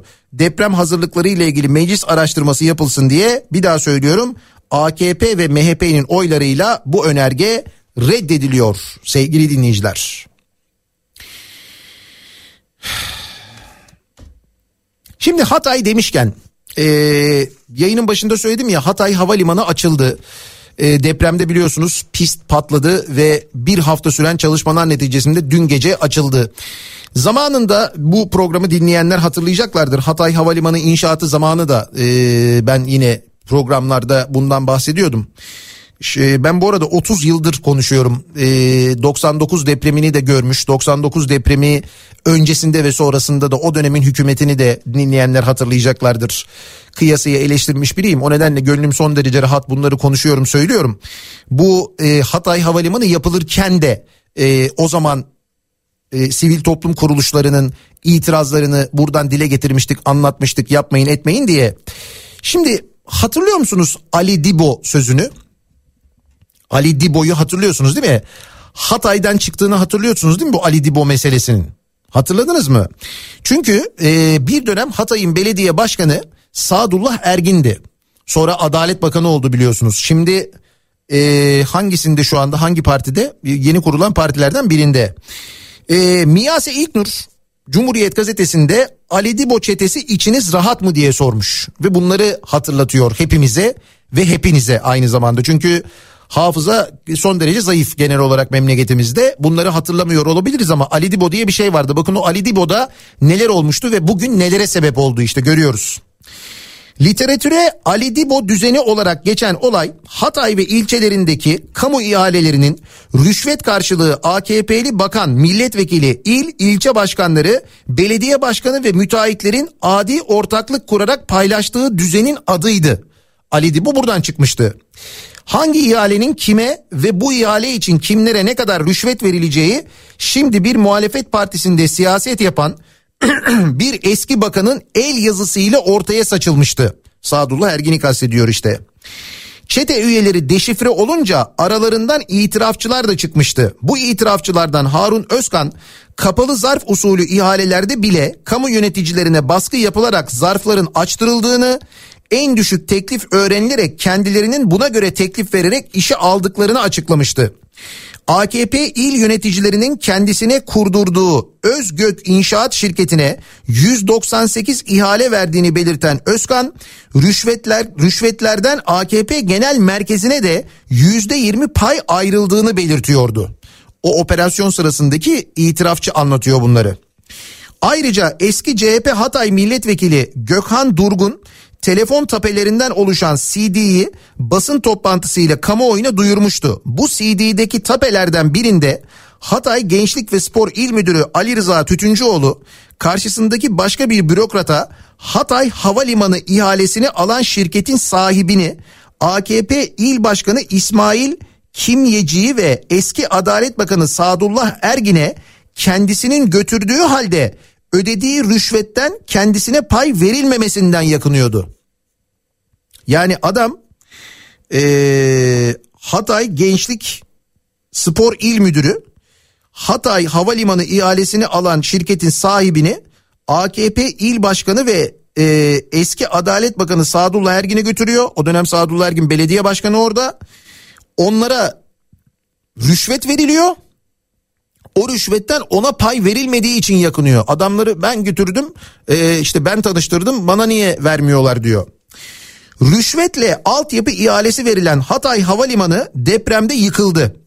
Havalimanı yıkıldığı için sadece Adana Havalimanı kullanılabildi ve yardımlar gecikti. Yarılan pistin ihalesini alan şirket İntaş AŞ Tapelerde kendisine pay verilmediğinden yakınan bürokrat dönemin belediye başkanı ve milletvekilleriyle görüşmesine aracılık ettiği İntaş şirketinin sahibi Ertin Elçi'den alınan 85'er bin lirayı bizzat kendisinin götürdüğünü söylüyordu. Hatay Havalimanı'nın kurulduğu alan daha başından yanlıştı. 1975'te Amik Gölü kurutularak açılan alana havalimanı yapılamayacağı konusunda çevre örgütleri, mimar ve mühendis odaları, CHP il meclis üyeleri gerekli uyarıları yaptı. Ancak dönemin valisi Yener Rakıcıoğlu Hatay Havalimanı'nı buraya yapmaya ant içmişti sanki. Tema projenin iptali için dava açtı. Bu dava Adana İdare Mahkemesi'nde görüldü ve çet raporu iptal edildi. Sonra bir el devreye girdi ve yeni bir chat raporu daha hazırlandı. Projeye onay verildi. Peki bu chat raporunu hazırlayan şirket kimdi? Ya şu ilişkileri görüyor musunuz sevgili dinleyiciler Allah aşkına yani ve bunlar nelere sebep oluyor görüyorsunuz değil mi? O havalimanının kapalı kalması kim bilir kaç insanın hayatına mal oldu farkında mısınız? Ve bakın neler olmuş. Bu chat raporunu hazırlayan şirket kim? Yani ikinci chat raporunu hazırlayan şirket Dokay Mühendislik. Biz bu şirketi bir yerlerden tanıyoruz sanki değil mi? Hatırlamamak ne mümkün diyor Miyase İlknur köşe yazısında. Akkuyu Nükleer Güç Santrali'nin olaylı chat raporunu da bu şirket hazırlamış. Hani şu chat raporunda sahte nükleer fizik mühendislerinin imzasının kullanıldığına ilişkin tartışmalardan. Şirket her ne kadar imzaların sahte olmadığını belirterek iddiaları yanıtlamış olsa da Türkiye Mimarlar Mühendisler Odaları Birliği Ocak ayında işten ayrılmış bir mühendisin Ekim ayında hazırlanan chat raporunda imzasının kullanıldığına dair belgeleri paylaşmıştı. Birkaç yıl önce açılışı yapılan ve AKP Hatay Milletvekili Hüseyin Yayman'ın yaparsa AKP yapar diye müjdesini verdiği o otoyol çöktü. Bu arada yakınlarını depremde yitiren Yayman'a da başsağlığı diliyoruz diyor Miyase İktur. Hatay AFAD binası da çöktü. Tuzun kokması bu olsa gerek. Çöken AFAD binasını yapan Silahtaroğlu şirketi çöken Tarsus Adana Gaziantep otoyoluyla AFAD'ın Ankara'daki genel merkez binasını da yapan şirket. Eyvah ki ne eyvah. Hatay polis evi 2 yıl önce yapılmış. Dönemin valisi habire inşaatı denetlemeye gitmiş. Sıvalarını ve seramiklerine bakmış herhalde. Adıyaman Belediyesi'nin yeni binası çökmüş. Eh Ali Dibo çetesi sadece Hatay'da yok ya. İçiniz rahat mı Ali Dibocular diye soruyor Miyase İlknur. İşte o zamanki o Ali Dibo olayları o rüşvetler, o verilen işler, verilen ihaleler ve bunların neticesi bu işte sevgili dinleyiciler. Maalesef böyle. Şimdi ee, bir yandan gelen ee, mesajlara bakalım. Ha, Sadullah Ergin belediye başkanı seçilemedi. AKP il başkanıydı. 99 ve 2014'te aday oldu diye yazmış ee, bir dinleyicimiz. Eee 9. imar affının birinci gerekçesi Ankara'daki Togo kulelerini kurtarmaktır diye yazmış bir başka dinleyicimiz. Bu imar affı teklifi verildiğinde gündeme gelmişti. Gazetelerde bu haberde yer almıştı. 99 depreminde 13 yaşında İzmit'te bir çocuktum. Babamla sizi dinlerdik. 36 yaşında evli barklı akademisyen ve iş insanıyım. Yine deprem felaketini yine sizden dinliyorum. Değişen tek şey ikimiz de yaş aldık. Kalan her şey aynı değişen hiçbir şey yok diyor dinleyicimiz. Ee, bakalım. Müteahhitlerle ilgili e, mesajlar geliyor dinleyicilerimizden. Antakya'dan yazmış Erdal. Ee, şu an biz köyde tek katlı bir evde 15 kişi kalıyoruz. Ee, bir hafta aradan sonra ilk kez dinliyoruz. Burada çok büyük yıkım oldu maalesef ama ilk iki gün kimse uğramadı. O yüzden enkaz altında soğuktan hayatını kaybeden çok oldu. Ne söylesek boş bu saatten sonra kayıplar da geri gelmeyecek diyor. Antakya'dan yazmış bir dinleyicimiz.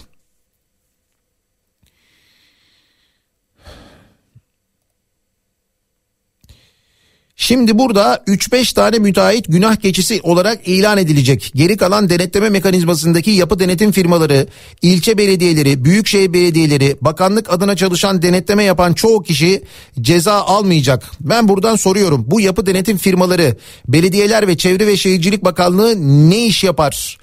Ee, ayrıca bundan sonra yapılacak tüm binalarda deprem izolatörlerini yasal zorunluluk haline getirirsek bu faciaları bu derece yaşamayız. Bu kadar çok insan kaybetmeyiz. Hatta şunu iddia ediyorum. Eğer yeni yapılacak bütün binalarda deprem izolatörlerini uygularsak ee, engel oluruz bu kayıtlara diyor. Mesela bunu bir yasayla e, zorunlu hale getirmek zor mu? Hayır değil. Ama ne olacak? Eee inşaat maliyeti artacak değil mi? Dairelerin maliyeti artacak. Bu yüzden yapmıyoruz. Bir de tabii e, başka e, haberler var. Şu dezenformasyon yapılıyor deniyor ya. Hani bununla ilgili e, bir linç kampanyası yürütülüyor bir taraftan. Yani on toparlanmaları biraz zor oldu ama bu troller harekete geçtiler. Önce Haluk Levent'e ahbaba saldırdılar biliyorsunuz. E, fakat Haluk Levent çok güzel yanıtlar veriyor. Çok güzel cevaplar veriyor gerçekten de. Ee, şimdi Oğuzhan Uğur'a dadandılar. Oğuzhan'a saldırıyorlar. Babala TV'ye saldırıyorlar. Depremin olduğu e, andan itibaren ilk andan itibaren e, deprem bölgesine de giderek aynı zamanda buradan da bir ekip olarak e, birçok insanın hayatının kurtulmasına aracılık yapan e, Babala TV'ye ve Oğuzhan Uğur'a saldırıyorlar. Bunu da yapıyorlar. Gerekçe de diyorlar ki dezenformasyon yapıyor bu insanlar deniyor. Peki ben şimdi size bir dezenformasyon okuyayım mı? Şimdi haber şu Anadolu Ajansı'nın haberi. Bu arada dezenformasyonu yapan Anadolu Ajansı. Bununla ilgili bir yasa var değil mi? Bir şey yapılacak mı? O yüzden soruyorum. Anadolu Ajansı'nın haberi şöyle.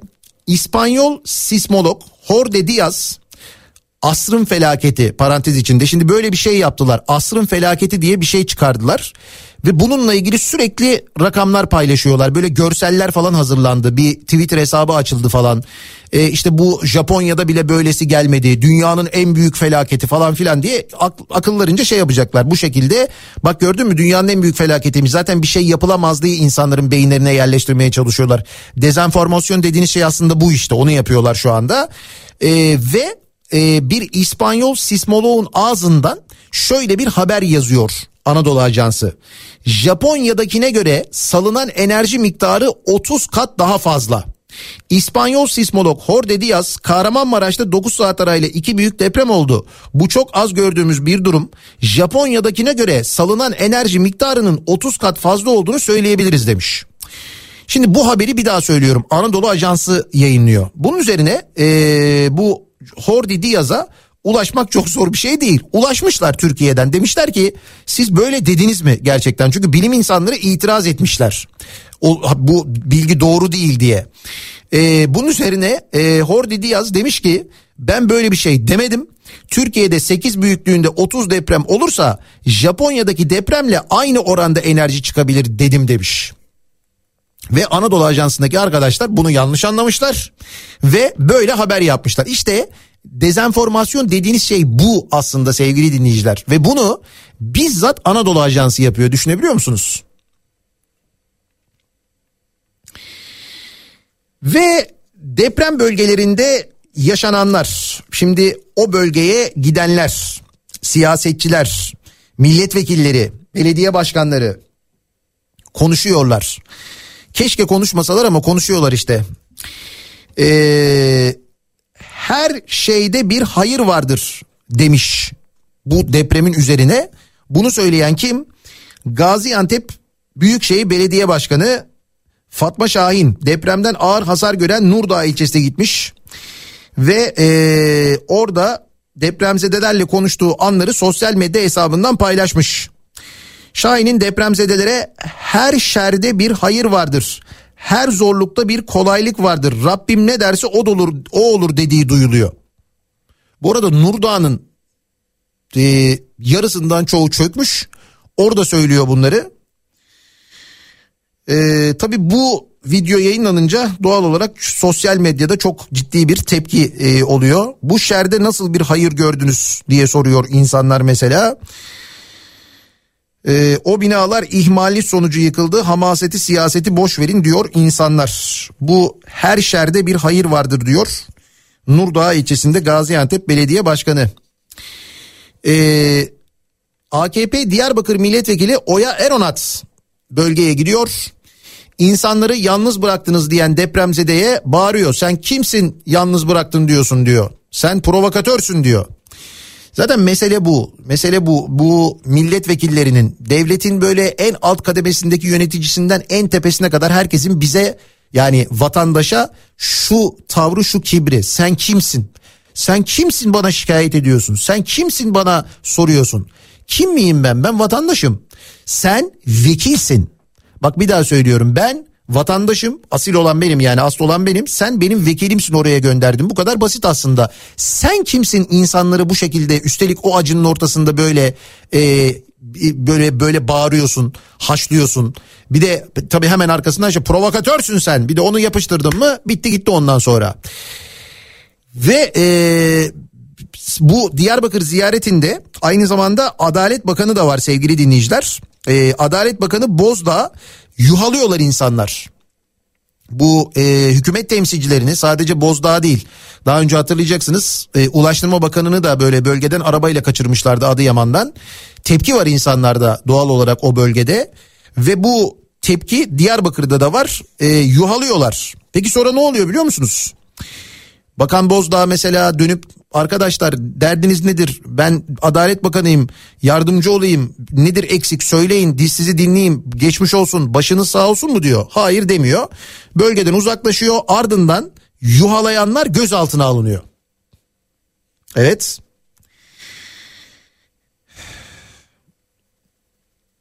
Diyarbakır'da depremden etkilenen bölgeyi ziyaret eden e, Adalet Bakanı Bekir Bozdağ ile ona eşlik eden AKP'li milletvekili Oya Eronat'a işte az önce anlattığım hanımefendi vatandaşlar tepki göstermiş yuhalamış.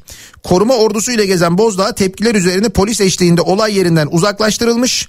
O anlar vatandaşların cep telefonu kameralarına yansımış. Kamera kayıtlarını inceleyen polisler bakanı ve milletvekilini yuhaladıkları ve hırsızlar diye bağırdıkları için 3 kişiyi gözaltına almış halkı kin ve düşmanlığa tahrik etmek suçundan gözaltına alınanlar emniyete götürülmüş. Şimdi hırsızlar diye bağırdıkları için ve Adalet Bakanı'nı yuvaladıkları için halkı kim ve düşmanlığa tahrik etmekten ee, gözaltına alınmışlar öyle mi? O zaman buradan ihbar ediyoruz ee, Adalet Bakanlığı'na bir isim Hatta ismi de söyleyeceğim. İsmini anmak istemiyorum ama söyleyeceğim. Tuğrul Selmanoğlu diye bir yaşam formu öyle diyelim biz. Çünkü ne desek mesela bir hani bir hayvanın ismini söylesek hakaret etmiş olacağız hayvana gerek yok. E, bu AKP yakınlığıyla biliniyor. Hatta kendisini böyle arabada bağıran bir şey diye yazdığınız zaman çıkıyor. Google'da böyle bulabiliyorsunuz. Bu yardım isteyen depremzedelerle dalga geçen bir video yayınlıyor. Böyle arkasında su var. Böyle kolilerle su var. Bir palet su var. Bir tarafta da çadırlar var. O bir çadır alanına gitmiş. Orada aklı sıra e, yardım isteyen depremzede taklidi yapıyor. Ve en sonunda da diyor ki e, şey diyor bu yardım isteyenlere yardım gelmediği için vaktinde gelmediği için eleştirenlere tasmalı köpekler diyor. Tasmalı itler diyor. Bakın bir daha söylüyorum. Yardım isteyen bölgesinde yaşadığı deprem bölgesinde e, eksikleri söyleyenleri, yardım isteyenleri, buraya in, işte gelmedi kurtarma ekipleri diyenlere diyor ki tasmalı köpekler, tasmalı itler diyor. bu şey. Tuğrul Selmanoğlu ismi. Şimdi bu halkı kim ve düşmanlığa tahrik etmiş olmuyor mu? Bu olmuyor. Ama Adalet Bakanlığı yuhlanınca oluyor hemen oradakiler gözaltına alınıyor. Bu mesela gözaltına alınacak mı çok merak ediyorum. Ne yapacaklar bununla ilgili? Aslında daha çok şey söylemek istiyorum ama ben söyleyemiyorum. Sadece söyleyeyim sensin tasmalı köpek. Sensin tasmalı it. Ben sadece bunu söyleyeyim başka bir şey söyleyemeyeyim. Var çok söyleyeceğim çok lügatım da geniş ama yayında söyleyemiyoruz. Böyle e, menfaatçi çok sevgili dinleyiciler. Yani bu şekilde nemalanırım. Buradan böyle bir video çakarım. Yarın öbür gün beni de bir milletvekili adayı yaparlar. Oradan bir ihale verirler. Bir şey yaparlar. Bir reklam anlaşması yaparım. indiririm diye düşünen bunun gibi çok var. Bunların başka versiyonları var. Mesela imkan olsa bunu yapabilecek olan olan ama imkan olmadığı için ee, işte ölen depremzedenin kartıyla kredi kartıyla alışveriş yapan var mesela. Aynılar aslında. Yani zihin, kafa aynı tipler bunlar. Anlayış bir farkları yok. Tek farkı biri meşhur, biri o yukarılara ulaşabilmiş. Sosyal medyada bir şey olmuş. Biri olmamış. Adana'da yağma ve hırsızlık olaylarına karşı harekete geçen ekipler denetimler sırasında Mustafa Bey adlı şahsın davranışlarından şüphelenmiş. Üst aramasında başka bir kişiye ait 3 kredi kartı bulunmuş. Yapılan incelemede kredi kartlarının Hatay'da yıkılan evinin enkazında hayatını kaybeden ES'ye ait olduğu belirlenmiş. Yani enkazdaki birinin kredi kartlarını çalmış Hatay'dan dönmüş Adana'da alışveriş yapıyor bu. Yakalanmış. Depremzedelerin adına kredi çekenler var sevgili dinleyiciler. İstanbul'da telefonla ulaştıkları depremzedelere kendilerini banka yetkilisi olarak tanıtıp yardım yalanıyla üzerlerine kredi çekmişler. Ee, yardım yapacaklarını söyleyip banka hesap bilgilerini almışlar depremzedelerin ee, ve onların adına kredi çekmişler. Altı dolandırıcı. Bunlar da yakalanmış. Bu dolandırıcıların da yaşları bu arada 20, 22, 21, 27, 32. Bakın bir daha söylüyorum. Az öncekiyle bunlar aynılar. Yani form olarak, yaşam formu olarak aynılar. Çok değişmiyor yani. Birbirlerine çok benziyorlar.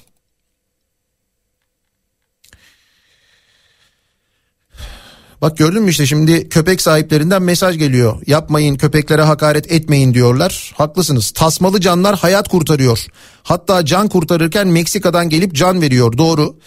Ee, Meksika'dan gelen kurtarma ekibinde e, görev yapan ve daha önce böyle onlarca insanı kurtaran bir e, kurtarma köpeği e, ölmüş sevgili dinleyiciler. Dün onunla ilgili de çokça haber vardı. Sözcü gazetesine bakalım. Sözcünün birinci sayfasında e, Erdoğan 4 yıl önce imar barışını böyle müjdelemişti. Haberi var. İşte o imar affının nasıl bir felaket getirdiğini şu anda hep beraber görüyoruz. Ve bakın bu e, imar affı ile ilgili imar barışı deniyordu. Onunla ilgili Cumhurbaşkanı'nın açıklamaları tarih 23 Şubat 2019 yer e, Kahramanmaraş. Orada diyor ki Cumhurbaşkanı imar barışıyla 144.556 Maraşlı'nın sorununu çözdük diyor. Sonra tarih 21 Haziran 2018 Gaziantep. Gaziantep'te çok önemli bir sorunu çözüyoruz. İmar barışıyla diyor Cumhurbaşkanı. Sonra 24 Şubat 2019 tarihi Hatay'da konuşuyor Cumhurbaşkanı. İmar barışıyla 250 bin Hataylının sorununu çözdük diyor. Müjde veriyor. İşte bakın o müjdenin geldiği nokta ortada. Yardım rezaleti haberi var.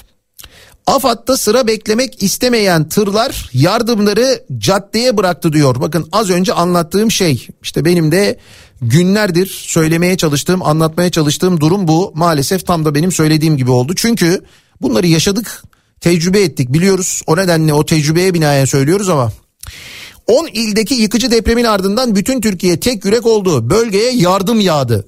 binlerce tır kıyafetinden gıdasına, sobasından sağlık malzemesine kadar yardımları 10 ildeki depremzedelere götürdü. Ancak koordinasyonda yaşanan sıkıntılar, sıkıntılar çok romantik söylemiş sözcü. İstenmeyen görüntülere sebep olmuş.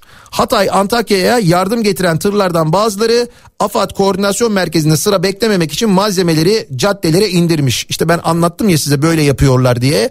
Sonra ne olmuş? O indirilenler içinden e, koliler açılmış kıyafetler yerlerde o özellikle ikinci el kıyafetler yerlerde çöp olmuş. Maalesef bazı insanların e, benim evimde durmasın bunları vereyim ne varsa atacağım hep her şeyi oraya göndereyim bir işe yarasın diye gönderdiği şeyler kendi evlerinde değil burada çöp olmuş işte. Müsiatçı müteahhit kayıp haberi var. Malatya'da yerle bir olan Seyri İstanbul adlı sitenin müteahhidi olan eski müsiatçı Muharrem Poyraz aranıyormuş. Şimdi aranan müteahhitlerin isimleri geliyor. Bu arada ee, kurtarılanların yani enkaz altından kurtarılanların haberleri gelmeye devam ediyor. Bakın 166 saat geçmiş üzerinden Adıyaman'ın Besni ilçesinde 60 yaşında bir kadın kurtarılmış. Ee, 166. saatte enkaz altından. 165. saatte 44 yaşındaki Naime Şakar yine enkazdan kurtarılmış Adıyaman'da.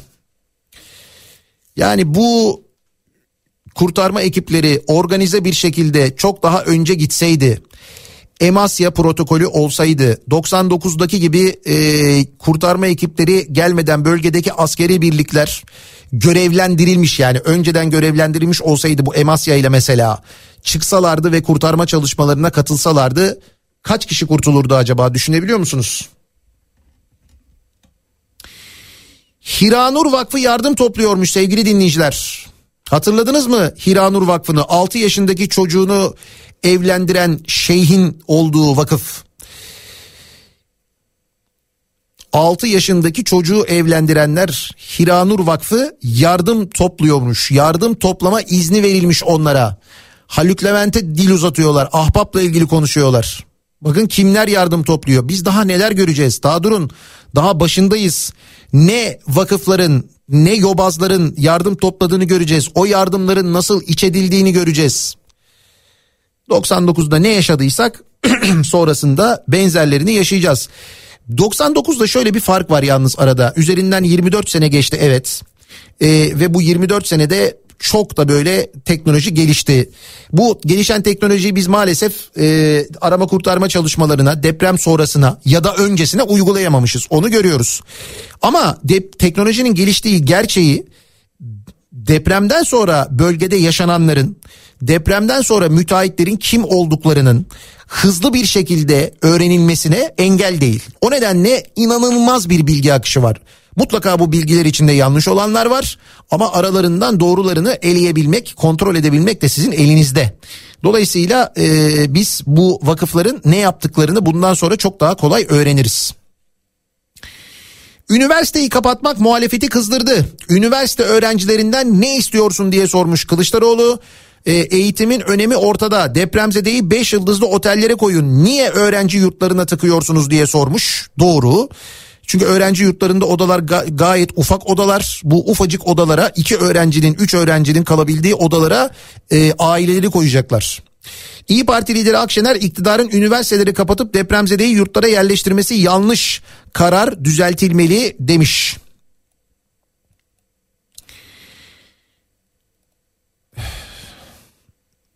Yıkılması gereken konutlar imar affı nedeniyle yıkılamadı. Bunu söyleyen kim? Adana Belediye Başkanı Zeydan Karalar. Karalar 11 binanın yıkıldığı Adana'da son durumu anlatmış. Yeni yapıların bile güvensiz olduğunu söylemiş. İmar barışını eleştirmiş. Cumhuriyet gazetesine bakalım. İktidarın gücü öğrenciye yetti başlığıyla çıkmış Cumhuriyet az önce aktarmıştım size. Yine bir ma- yine bir mağduriyeti başka bir mağduriyetle çözmenin peşindeler ee, diyor ee, Cumhuriyet. Plansızlığın faturasının gençlere çıkarılmaması gerektiğini söyleyen uzmanlar eğitimde yıkım yaşamayalım uyarısı yapmış. Siyasilerden sarayları, otelleri kullanın çağrısı gelmiş. Hukukçularsa o halin bütün ülkede ilan edilmediğini, kararın hukuksuzluğunu vurgulamış. AKP'nin arka bahçesi Kızılay. Kızılay AFAD'la birlikte depreme müdahale etmekte geç kalmakta suçlanıyor. Başta Genel Başkan Kerem Kınık olmak üzere Kızılay'ın bütün üst yönetimi AKP'li isimlerden oluşuyor diye yazmış Işık Kansu. Bırakın üst yönetimini e, çadır fabrikasına, konteyner fabrikasına bile torpille adam alındığını, fabrikanın idare müdürünün kebapçı yapıldığını yani kebapçıdan bir idare müdürü yapıldığını az önce okudum size. Ve Türkiye'nin en büyük konteyner fabrikası, fabrikasıyız denilen fabrikanın Kızılay'ın konteyner fabrikasının deprem için stok yapmadığını da öğrendik aynı zamanda. Cumhurbaşkanının yurtlar misafirhane olacak sözleri sonrası öğrencilerden odalarını boşaltmaları istenmiş. Eşyalar çöp poşetleriyle depolara kaldırılmış. Öğrenciler tabii ki depremzedelere yardım etmeliyiz ancak bu bizleri mağdur ederek yapılmalı, yapılmamalı demiş. Sadece mesaj gelmiş öğrencilere eşyalarınız toplandı şuraya konuldu falan diye. Ee, böyle bir durum yaşanıyor aynı zamanda yurtlarda. Deliller tehlikede manşet başlığı var e, Cumhuriyet gazetesinde. Avukatlar Hatay'daki yapı müdürlüğü önünde nöbette. Bu da yaşandı bu arada biliyor musunuz? Hatay Yapı Denetim ve Yapı Malzeme Müdürlüğü'nün yıkılmak istendiği iddia edildi diyor. İstendiği değil ya baya böyle yıkılmış üstünde kepçe çalışıyordu görüntüleri var. Binanın içinde yapı laboratuvar test sonuçlarının olduğu belirtilmiş. Bina önünde nöbet tutan avukatlar binaya plakasız araçlarla gelen kişileri önlediklerini söylemişler ve yıkımı son anda durdurmuşlar. Şehir hastanesi sistemi çöktü haberi var. İktidarın hayali şehir hastanelerinin kullanışsız olduğu depremde bir kez daha gün yüzüne çıkmış. Necip Fazıl Şehir Hastanesi Elbistan'a 151 kilometre. Hatay Eğitim Araştırma Hastanesi İskenderun'a 63 kilometre uzakta. Yani bu şehir hastanelerinin şehirlerde olmadığını hep konuşuyoruz zaten söylüyoruz ya. İşte onu depremde bir kez daha gördük. Az önce söylemiştim ya e, Proteo bu e, Meksikalı Meksika ekibinin e, kurtarma köpeğinin ismi teşekkürler Proteo başlığıyla çıkmış bir haber var burada. Afet çalışmalarına katılan Meksika ordu kurtarma köpeği Proteo enkazda yaşamını yitirmiş. Meksika kurtarma ekibi bir tören düzenlemiş Proteo için. Dolayısıyla ben az önce böyle dedim hani tasmalı köpek sensin falan diye ama gerçekten köpeklere hakaret etmiş olduk. Bölgeye o hal valisi atanmalı deniyor. E, yurttaşlar deprem bölgesinde yaşanan yağma ve gasp olaylarından şikayetçi. Bölgeye o hal valisinin atanması gerektiğini söyleyen uzmanlar Hatay'ın durumu kritik uyarısı yapmışlar. Ve uzmanlar önerilerini sıralamış ovalar taşınsın demişler. Profesör Doktor İlyas Yılmazer ovalardaki 8 milyon kişi kayalık bölgelere taşınmalı. Böylece verimli arazi yeniden tarıma açılır, devlet de vatandaş da kazanır demiş.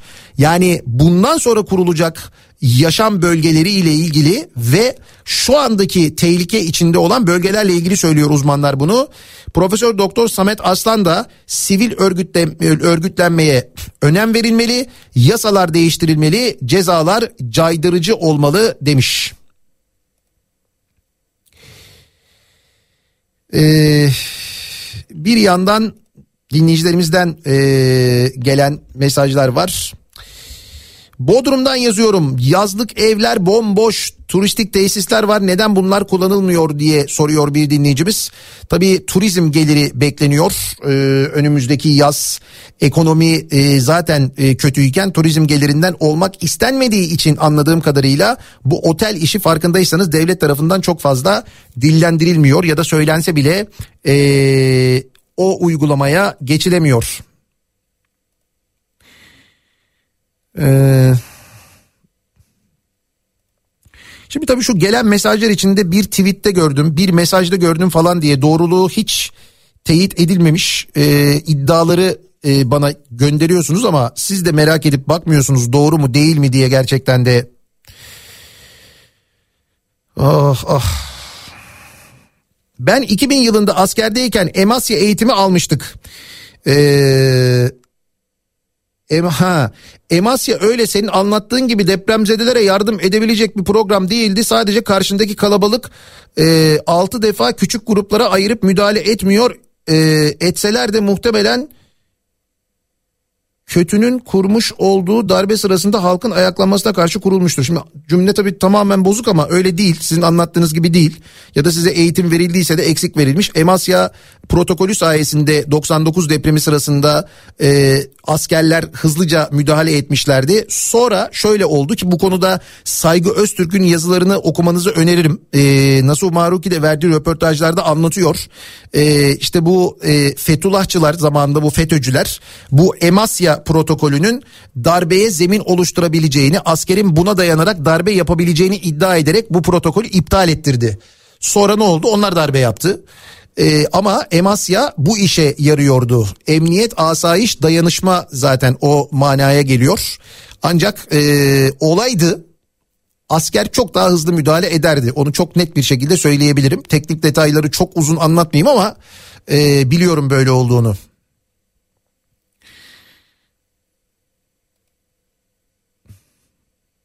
Müteahhitler yakalanıyor tamam ama o projeyi denetleyenler, izin verenler ve imzalayanlar boş gezmesin diye yazmış bir dinleyicimiz. Genel olarak böyle bir beklenti de var aynı zamanda.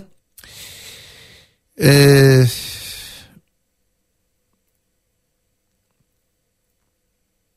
bir Karadeniz'in bir kentinden yazmış bir dinleyicimiz de diyor ki malum burası da diyor deprem bölgesi.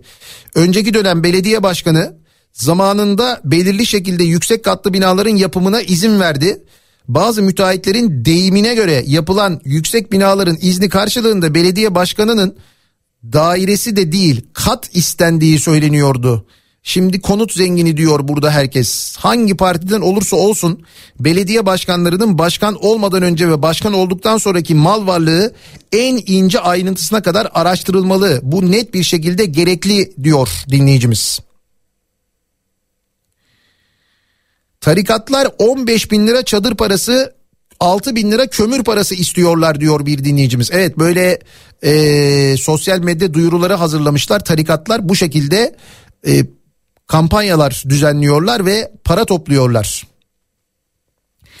Şimdi e, ahbaba izin vermiyorlar hani e, devlet ya da işte böyle hani devlet yararına millet yararına e, izin, e, bağış toplamasına izin vermiyor ah baba devlet deniyor ama dün bunu e, Fox TV'de sordular e, Haluk Levent'e. Haluk Levent dedi ki hayır biz istemiyoruz dedi o e, işte kamu yararına derneklerden biri olmak ya da kamu yararına vakıflardan biri olmak biz istemiyoruz dedi.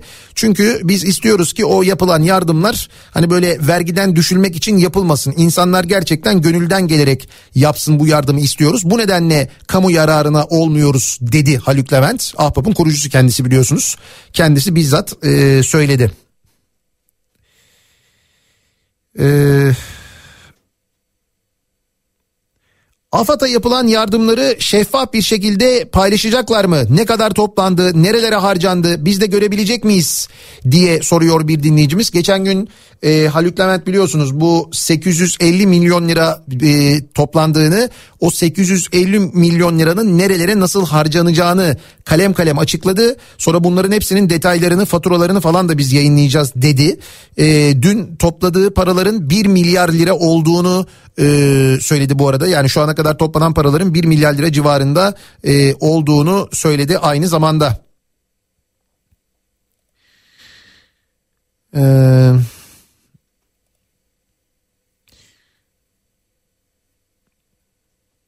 İşte bu az önce bahsettiğimiz Yapı Denetim Müdürlüğü'nün binasının yıkılmak e, yıkılma kararının alındığı ile ilgili e, haber delil karartma yapılıyor diye e, dinleyicimiz az önce gördüm diyor. Biliyorum ben de gördüm işte dedim ya az önce anlattım ben onun görüntülerini gördüm diye izledim diye. Yani böyle hani yıkılmak istendi falan diyor gazetedeki haberde de istendi değil bir bölümü yıkıldı zaten. Sonra yıkımı durdurdular. Orada avukatlar baya baya böyle şu anda e, nöbet tutuyorlar. Tabii biz ne zaman e, bu hale geldik, biz nasıl böyle olduk diye soruyor dinleyicilerimiz de çok uzun zaman oldu aslında biz o hale geleli, bu böyle olalı maalesef.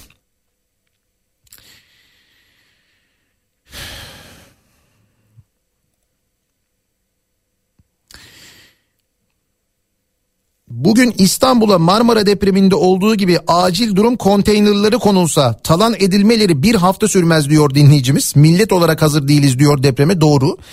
Dün e, kim soruyordu? Biri soruyordu televizyonda. Doğan Şentürk soruyordu Fox TV'de. Ne oldu o e, konteynerlar diye. Hatırlıyor musunuz 99 depreminden sonra İstanbul'da böyle mahallelere falan konulan e, turuncu konteynerlar vardı. Hatırladınız mı sevgili dinleyiciler? Şimdi bu konteynerların hikayesini çok net bir şekilde biliyorum ben. Çünkü çok haberi çıkıyordu. Birincisi konteynerlardan hırsızlık yapılıyordu çok fazla. Hakikaten de e, konteynerların kilitleri kırılıyor. İçindeki malzemeler ki içinde işte kırıcı deliciler vardı, jeneratörler vardı. Yani böyle e, en azından hani bir mahallede bir yıkım olduğunda ilk olarak oradaki konteyner açılsın ve hani e, enkaz altındakilere en azından ekipler gelene kadar yardım ekipleri kurtarma ekipleri gelene kadar bir müdahale edilebilsin. İşte elektrik sağlansın jeneratörle battaniyeler falan insanlara verilsin bir çadır olsun içinde falan diye çok da doğru bir düşünce aslında. Böyle konteynerlar yerleştirildi. Sonra bu konteynerlardan hırsızlıklar başladı. Sonra bu konteynerlar çok mu yer işgal ediyor falan denmeye başladı. Şikayetler gelmeye başladı. Biz arabamızı park edemiyoruz falanlar gelmeye başladı. Üstüne yazı yazmışlar çok ayıp denmeler başladı. Ee, bunun üzerine ne yapıldı? Bu konteynerlerin hepsi toplandı. Böyle belli e, bir yer yani konteynerler üst üste e, boş bulunan arazilere konulmaya başladı. Konteyner kilitlerinin anahtarları da muhtarlara verildi. Öyle dendi. Muhtarlara verildi dendi. Sonra bunun üzerine e, haberciler gittiler. Mesela bir mahallenin muhtarına dediler ki sizde dediler konteyner anahtarı var mı? Muhtar dedi ki yok ne konteyneri? Dediler ki sizin işte depremde kullanacağınız konteyner şurada. Siz bunu biliyor musunuz? Hayır bilmiyorum. E, size anahtarını verdiler mi? Hayır vermediler dendi. Ben en son bu konteynerların bir bölümünü nerede gördüm biliyor musunuz? E, Atatürk Havalimanı'ndan sahil yoluna doğru Florya kavşağına doğru gider Yeşilköy kavşağına doğru giderken yolun sağ tarafına bir yere yığılmıştı bu konteynerların bir bölümü en azından bir bölümü orada duruyordu. Sonra e, ne oldu bilmiyorum yani ondan sonrası ne oldu bilmiyorum. Eee...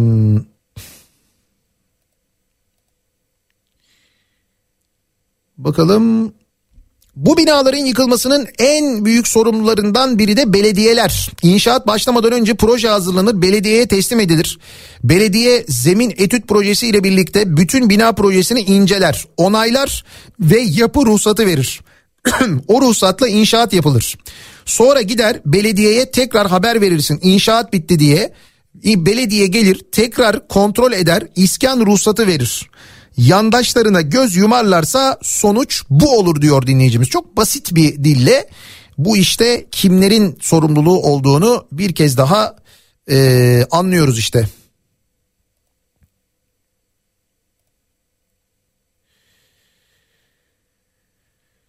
Ah ah sevgili dinleyiciler şu az önce bahsettiğim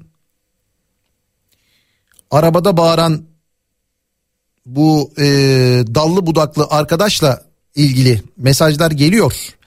Hesapta özür dilemiş ama özür dilerken yine hakaret etmiş. Neyse. Biz sinirimizi bozmayalım. Çok kısa bir ara verelim. Hemen ardından buradayız. Kafa Radyo'da devam ediyoruz sevgili dinleyiciler. Ee, deprem özel yayınımıza birazdan e, Güçlü Mete'ye devredeceğim ben mikrofonu. Kripto Odası'nda Güçlü Mete'ye sizlerle birlikte olacak. Bölgedeki son gelişmeleri de aktaracak bir yandan aynı zamanda konukları da olacak canlı yayında. Bu arada e, bazı dinleyicilerimizden mesajlar geliyor sağ olun böyle bir günde bile e, unutmamışsınız e, radyonuzun doğum gününü kutlarız diye mesajlar geliyor. Sağ olun var olun tabii doğum günü kutlayacak halimiz yok. Yalnız şöyle bir şey yapacağız. Ee, biz bugünle ilgili tabii birçok hazırlık yapmıştık depremden önce 13 Şubat. Bugün hem Dünya Radyo Günü hem radyomuzun kuruluş yıl dönümü. O nedenle böyle bir kutlama yapacaktık. Ee, işte bu kutlama için tabii doğal olarak bir e, işte bütçe ayırmıştık falan. Ee, sağ olsun bize böyle katkı veren firmalar da vardı. Şimdi biz o firmalarla konuştuk. Hem biz ayır, e, biz bu kutlama için ayırdığımız bütçeyi hem de o firmalar e, sponsorluk için ayırdıkları bütçeleri topladık. Ee, ve Darüşşafaka Cemiyeti'ne bağışlamaya karar verdik. Bunu şunun için yapıyoruz. Şimdi mutlaka tabii biz deprem bölgesi içinde bir şeyler yapıyoruz. Ee, bunları yayında anlatmıyor olabiliriz ama yapıyoruz ayrı bir şey. Elimizden geldiğince duyurmaya gayret ediyoruz. Yardım kuruluşlarını, yardım edenleri, organizasyon yapanları tabii ki güvendiğimiz doğru isimleri, kuruluşları. Ama e, bir yandan da şöyle bir gerçek var. Tabii annelerini, babalarını kaybetmiş sayısız çocuk var şimdi orada ve o çocukların eğitimi e, söz konusu. Burada da yıllardır e, bu işi gerçekten layıkıyla ve çok düzgün yapan annesini, babasını ya da sadece babasını kaybetmiş, annesini kaybetmiş çocuklara ücretsiz eğitim veriyor biliyorsunuz. İlkokuldan lise sona kadar Darüşşafaka ve şimdi depremzede çocuklar için de kontenjanını arttıracak. Şöyle bir e, açıklaması var aynı zamanda e, Darüşşafaka'nın onu da söyleyelim. Darüşşafaka olarak 160 yıldır annesini ve veya babasını kaybetmiş binlerce çocuğumuza şefkat yuvamızda 8 yıl süreyle yatılı, nitelikli ve tam burslu eğitim imkanı vererek ülkemizin geleceğine destek oluyoruz. Çocuklarımızın ailelerini ne yazık ki geri getiremeyiz ama onlara iyi bir gelecek sunmak için bugüne kadar olduğu gibi bundan sonra da çalışmaya devam edeceğiz. Deprem bölgesinde anne ve babasını veya babasını tek başına kaybetmiş öğrencilerimize sıcak yuvamızı açmak üzere bütün koşullarımızı zorlayarak öğrenci kapasitemizi arttırmak için çalışmalarımızı sürdürüyoruz. Acıların e, ancak dayanışmayla hafifleyeceğini biliyoruz. 160 yıldır yüce halkımızın bağışlarıyla on binlerce çocuğun yuvası olan Darüşşafaka olarak deprem bölgesinde yaşayan halkımıza ve bütün ülkemize geçmiş olsun diyoruz.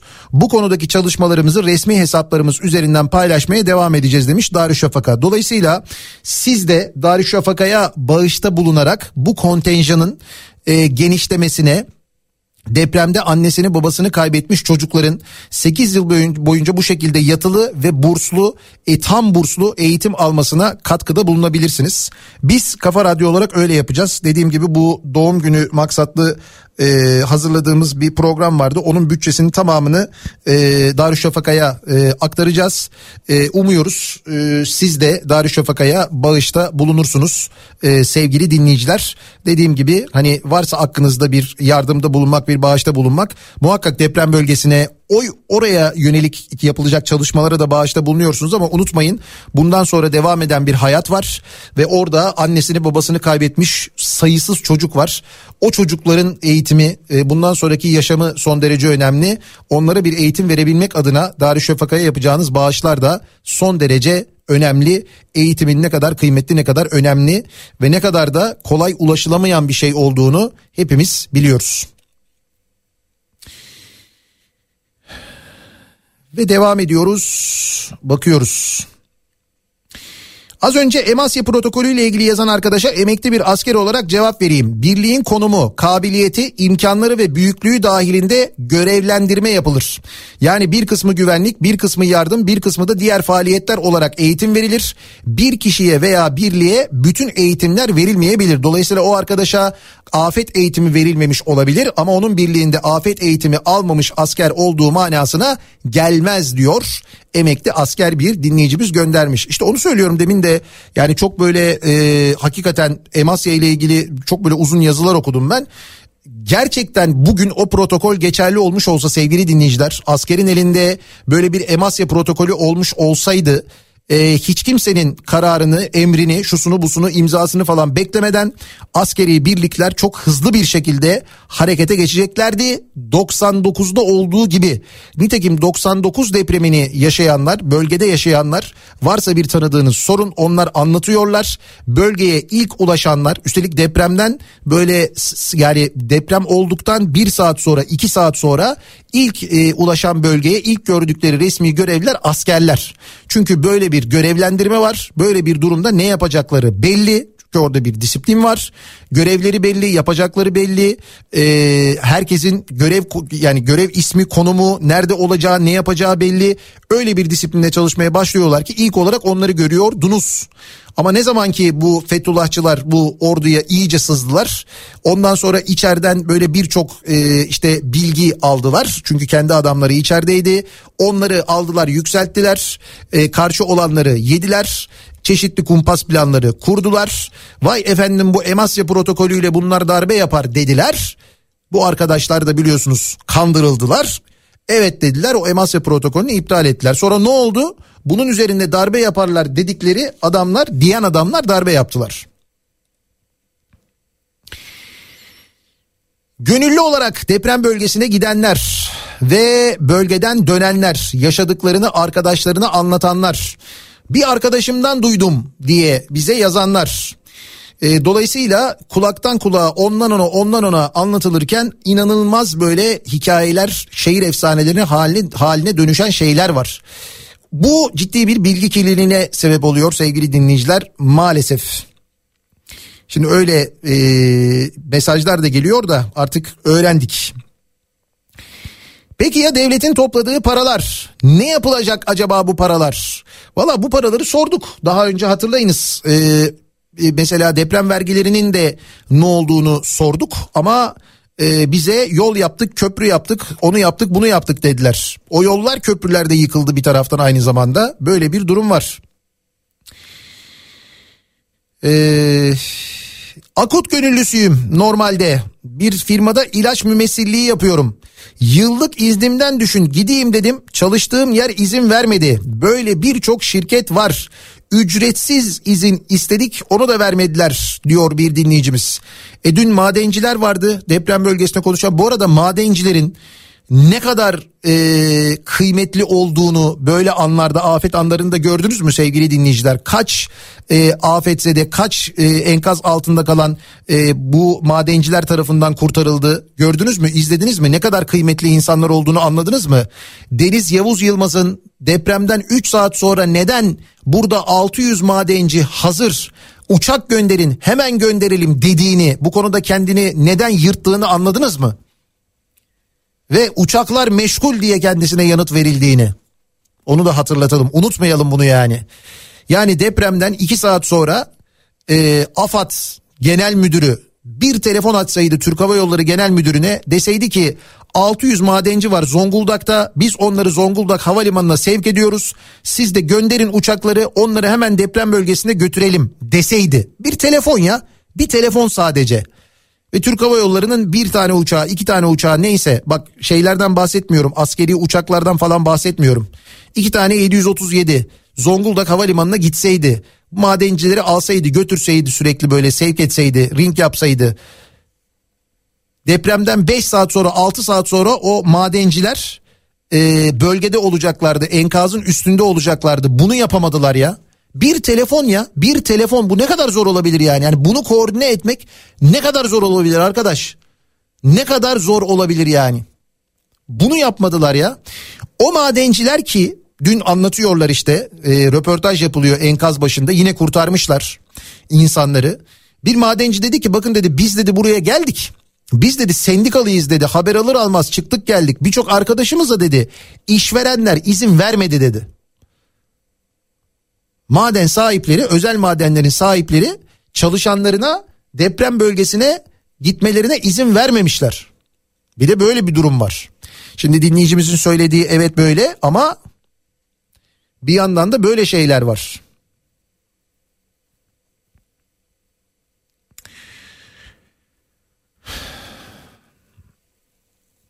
TRT'nin Antalya'da Lara tesisleri vardır. Ee, neden bu tesislerin kapısı açılmıyor? Dokunmasınlar eğitime diyor bir dinleyicimiz. Bunun gibi çok kamp var. Mesela bu kamplar e, işte eğitim tesisi diye de geçer. Diyanet'in bunun gibi onlarca böyle eğitim tesisi var değil mi? Deli gibi paralar harcanarak yapılan mesela Denizli'de vardı bir tane milyonlarca lira harcanmıştı. Bu tesisler açılsın. Bu kapılar açılsın. Mesela bunlar yapılsın. Niye Edirne'deki öğrenci yurdunu boşaltıyorsunuz? Neden Edirne'deki öğrencinin eğitim hakkını elinden alıyorsunuz? Neden Edirne'deki üniversiteyi uzaktan eğitime geçiriyorsunuz? Soruyoruz da bu sorulara yanıt verilemiyor. Çünkü yanıtı veremiyor ki. Çünkü emir de yukarıdan, yanıt da yukarıdan. Ben ne dedim size? Borsa 3 gün kapanmadı. Niye kapanmadı borsa? Dün anlatıyorlardı televizyonda işte. AKP'li bir kaynak demiş ki e, Borsa İstanbul'un başkanı beyefendiye ulaşamadı. İzin anlamadı o yüzden kapanamadı.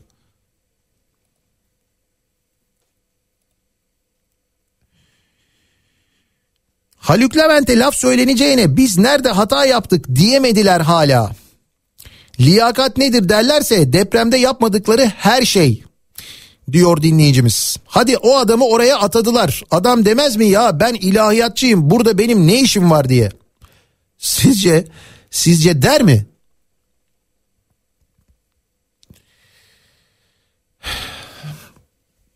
Biz e, veda ediyoruz. Yayınımızın sonuna geliyoruz. Birazdan Kripto Odası başlayacak.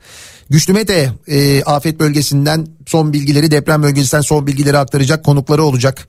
Gün boyu Kafa Radyo programlarında yine deprem bölgesinden bilgiler haberler aktarmaya devam edeceğiz biz. Yarın sabah 7'de ben yeniden buradayım. Tekrar görüşünceye dek hoşçakalın.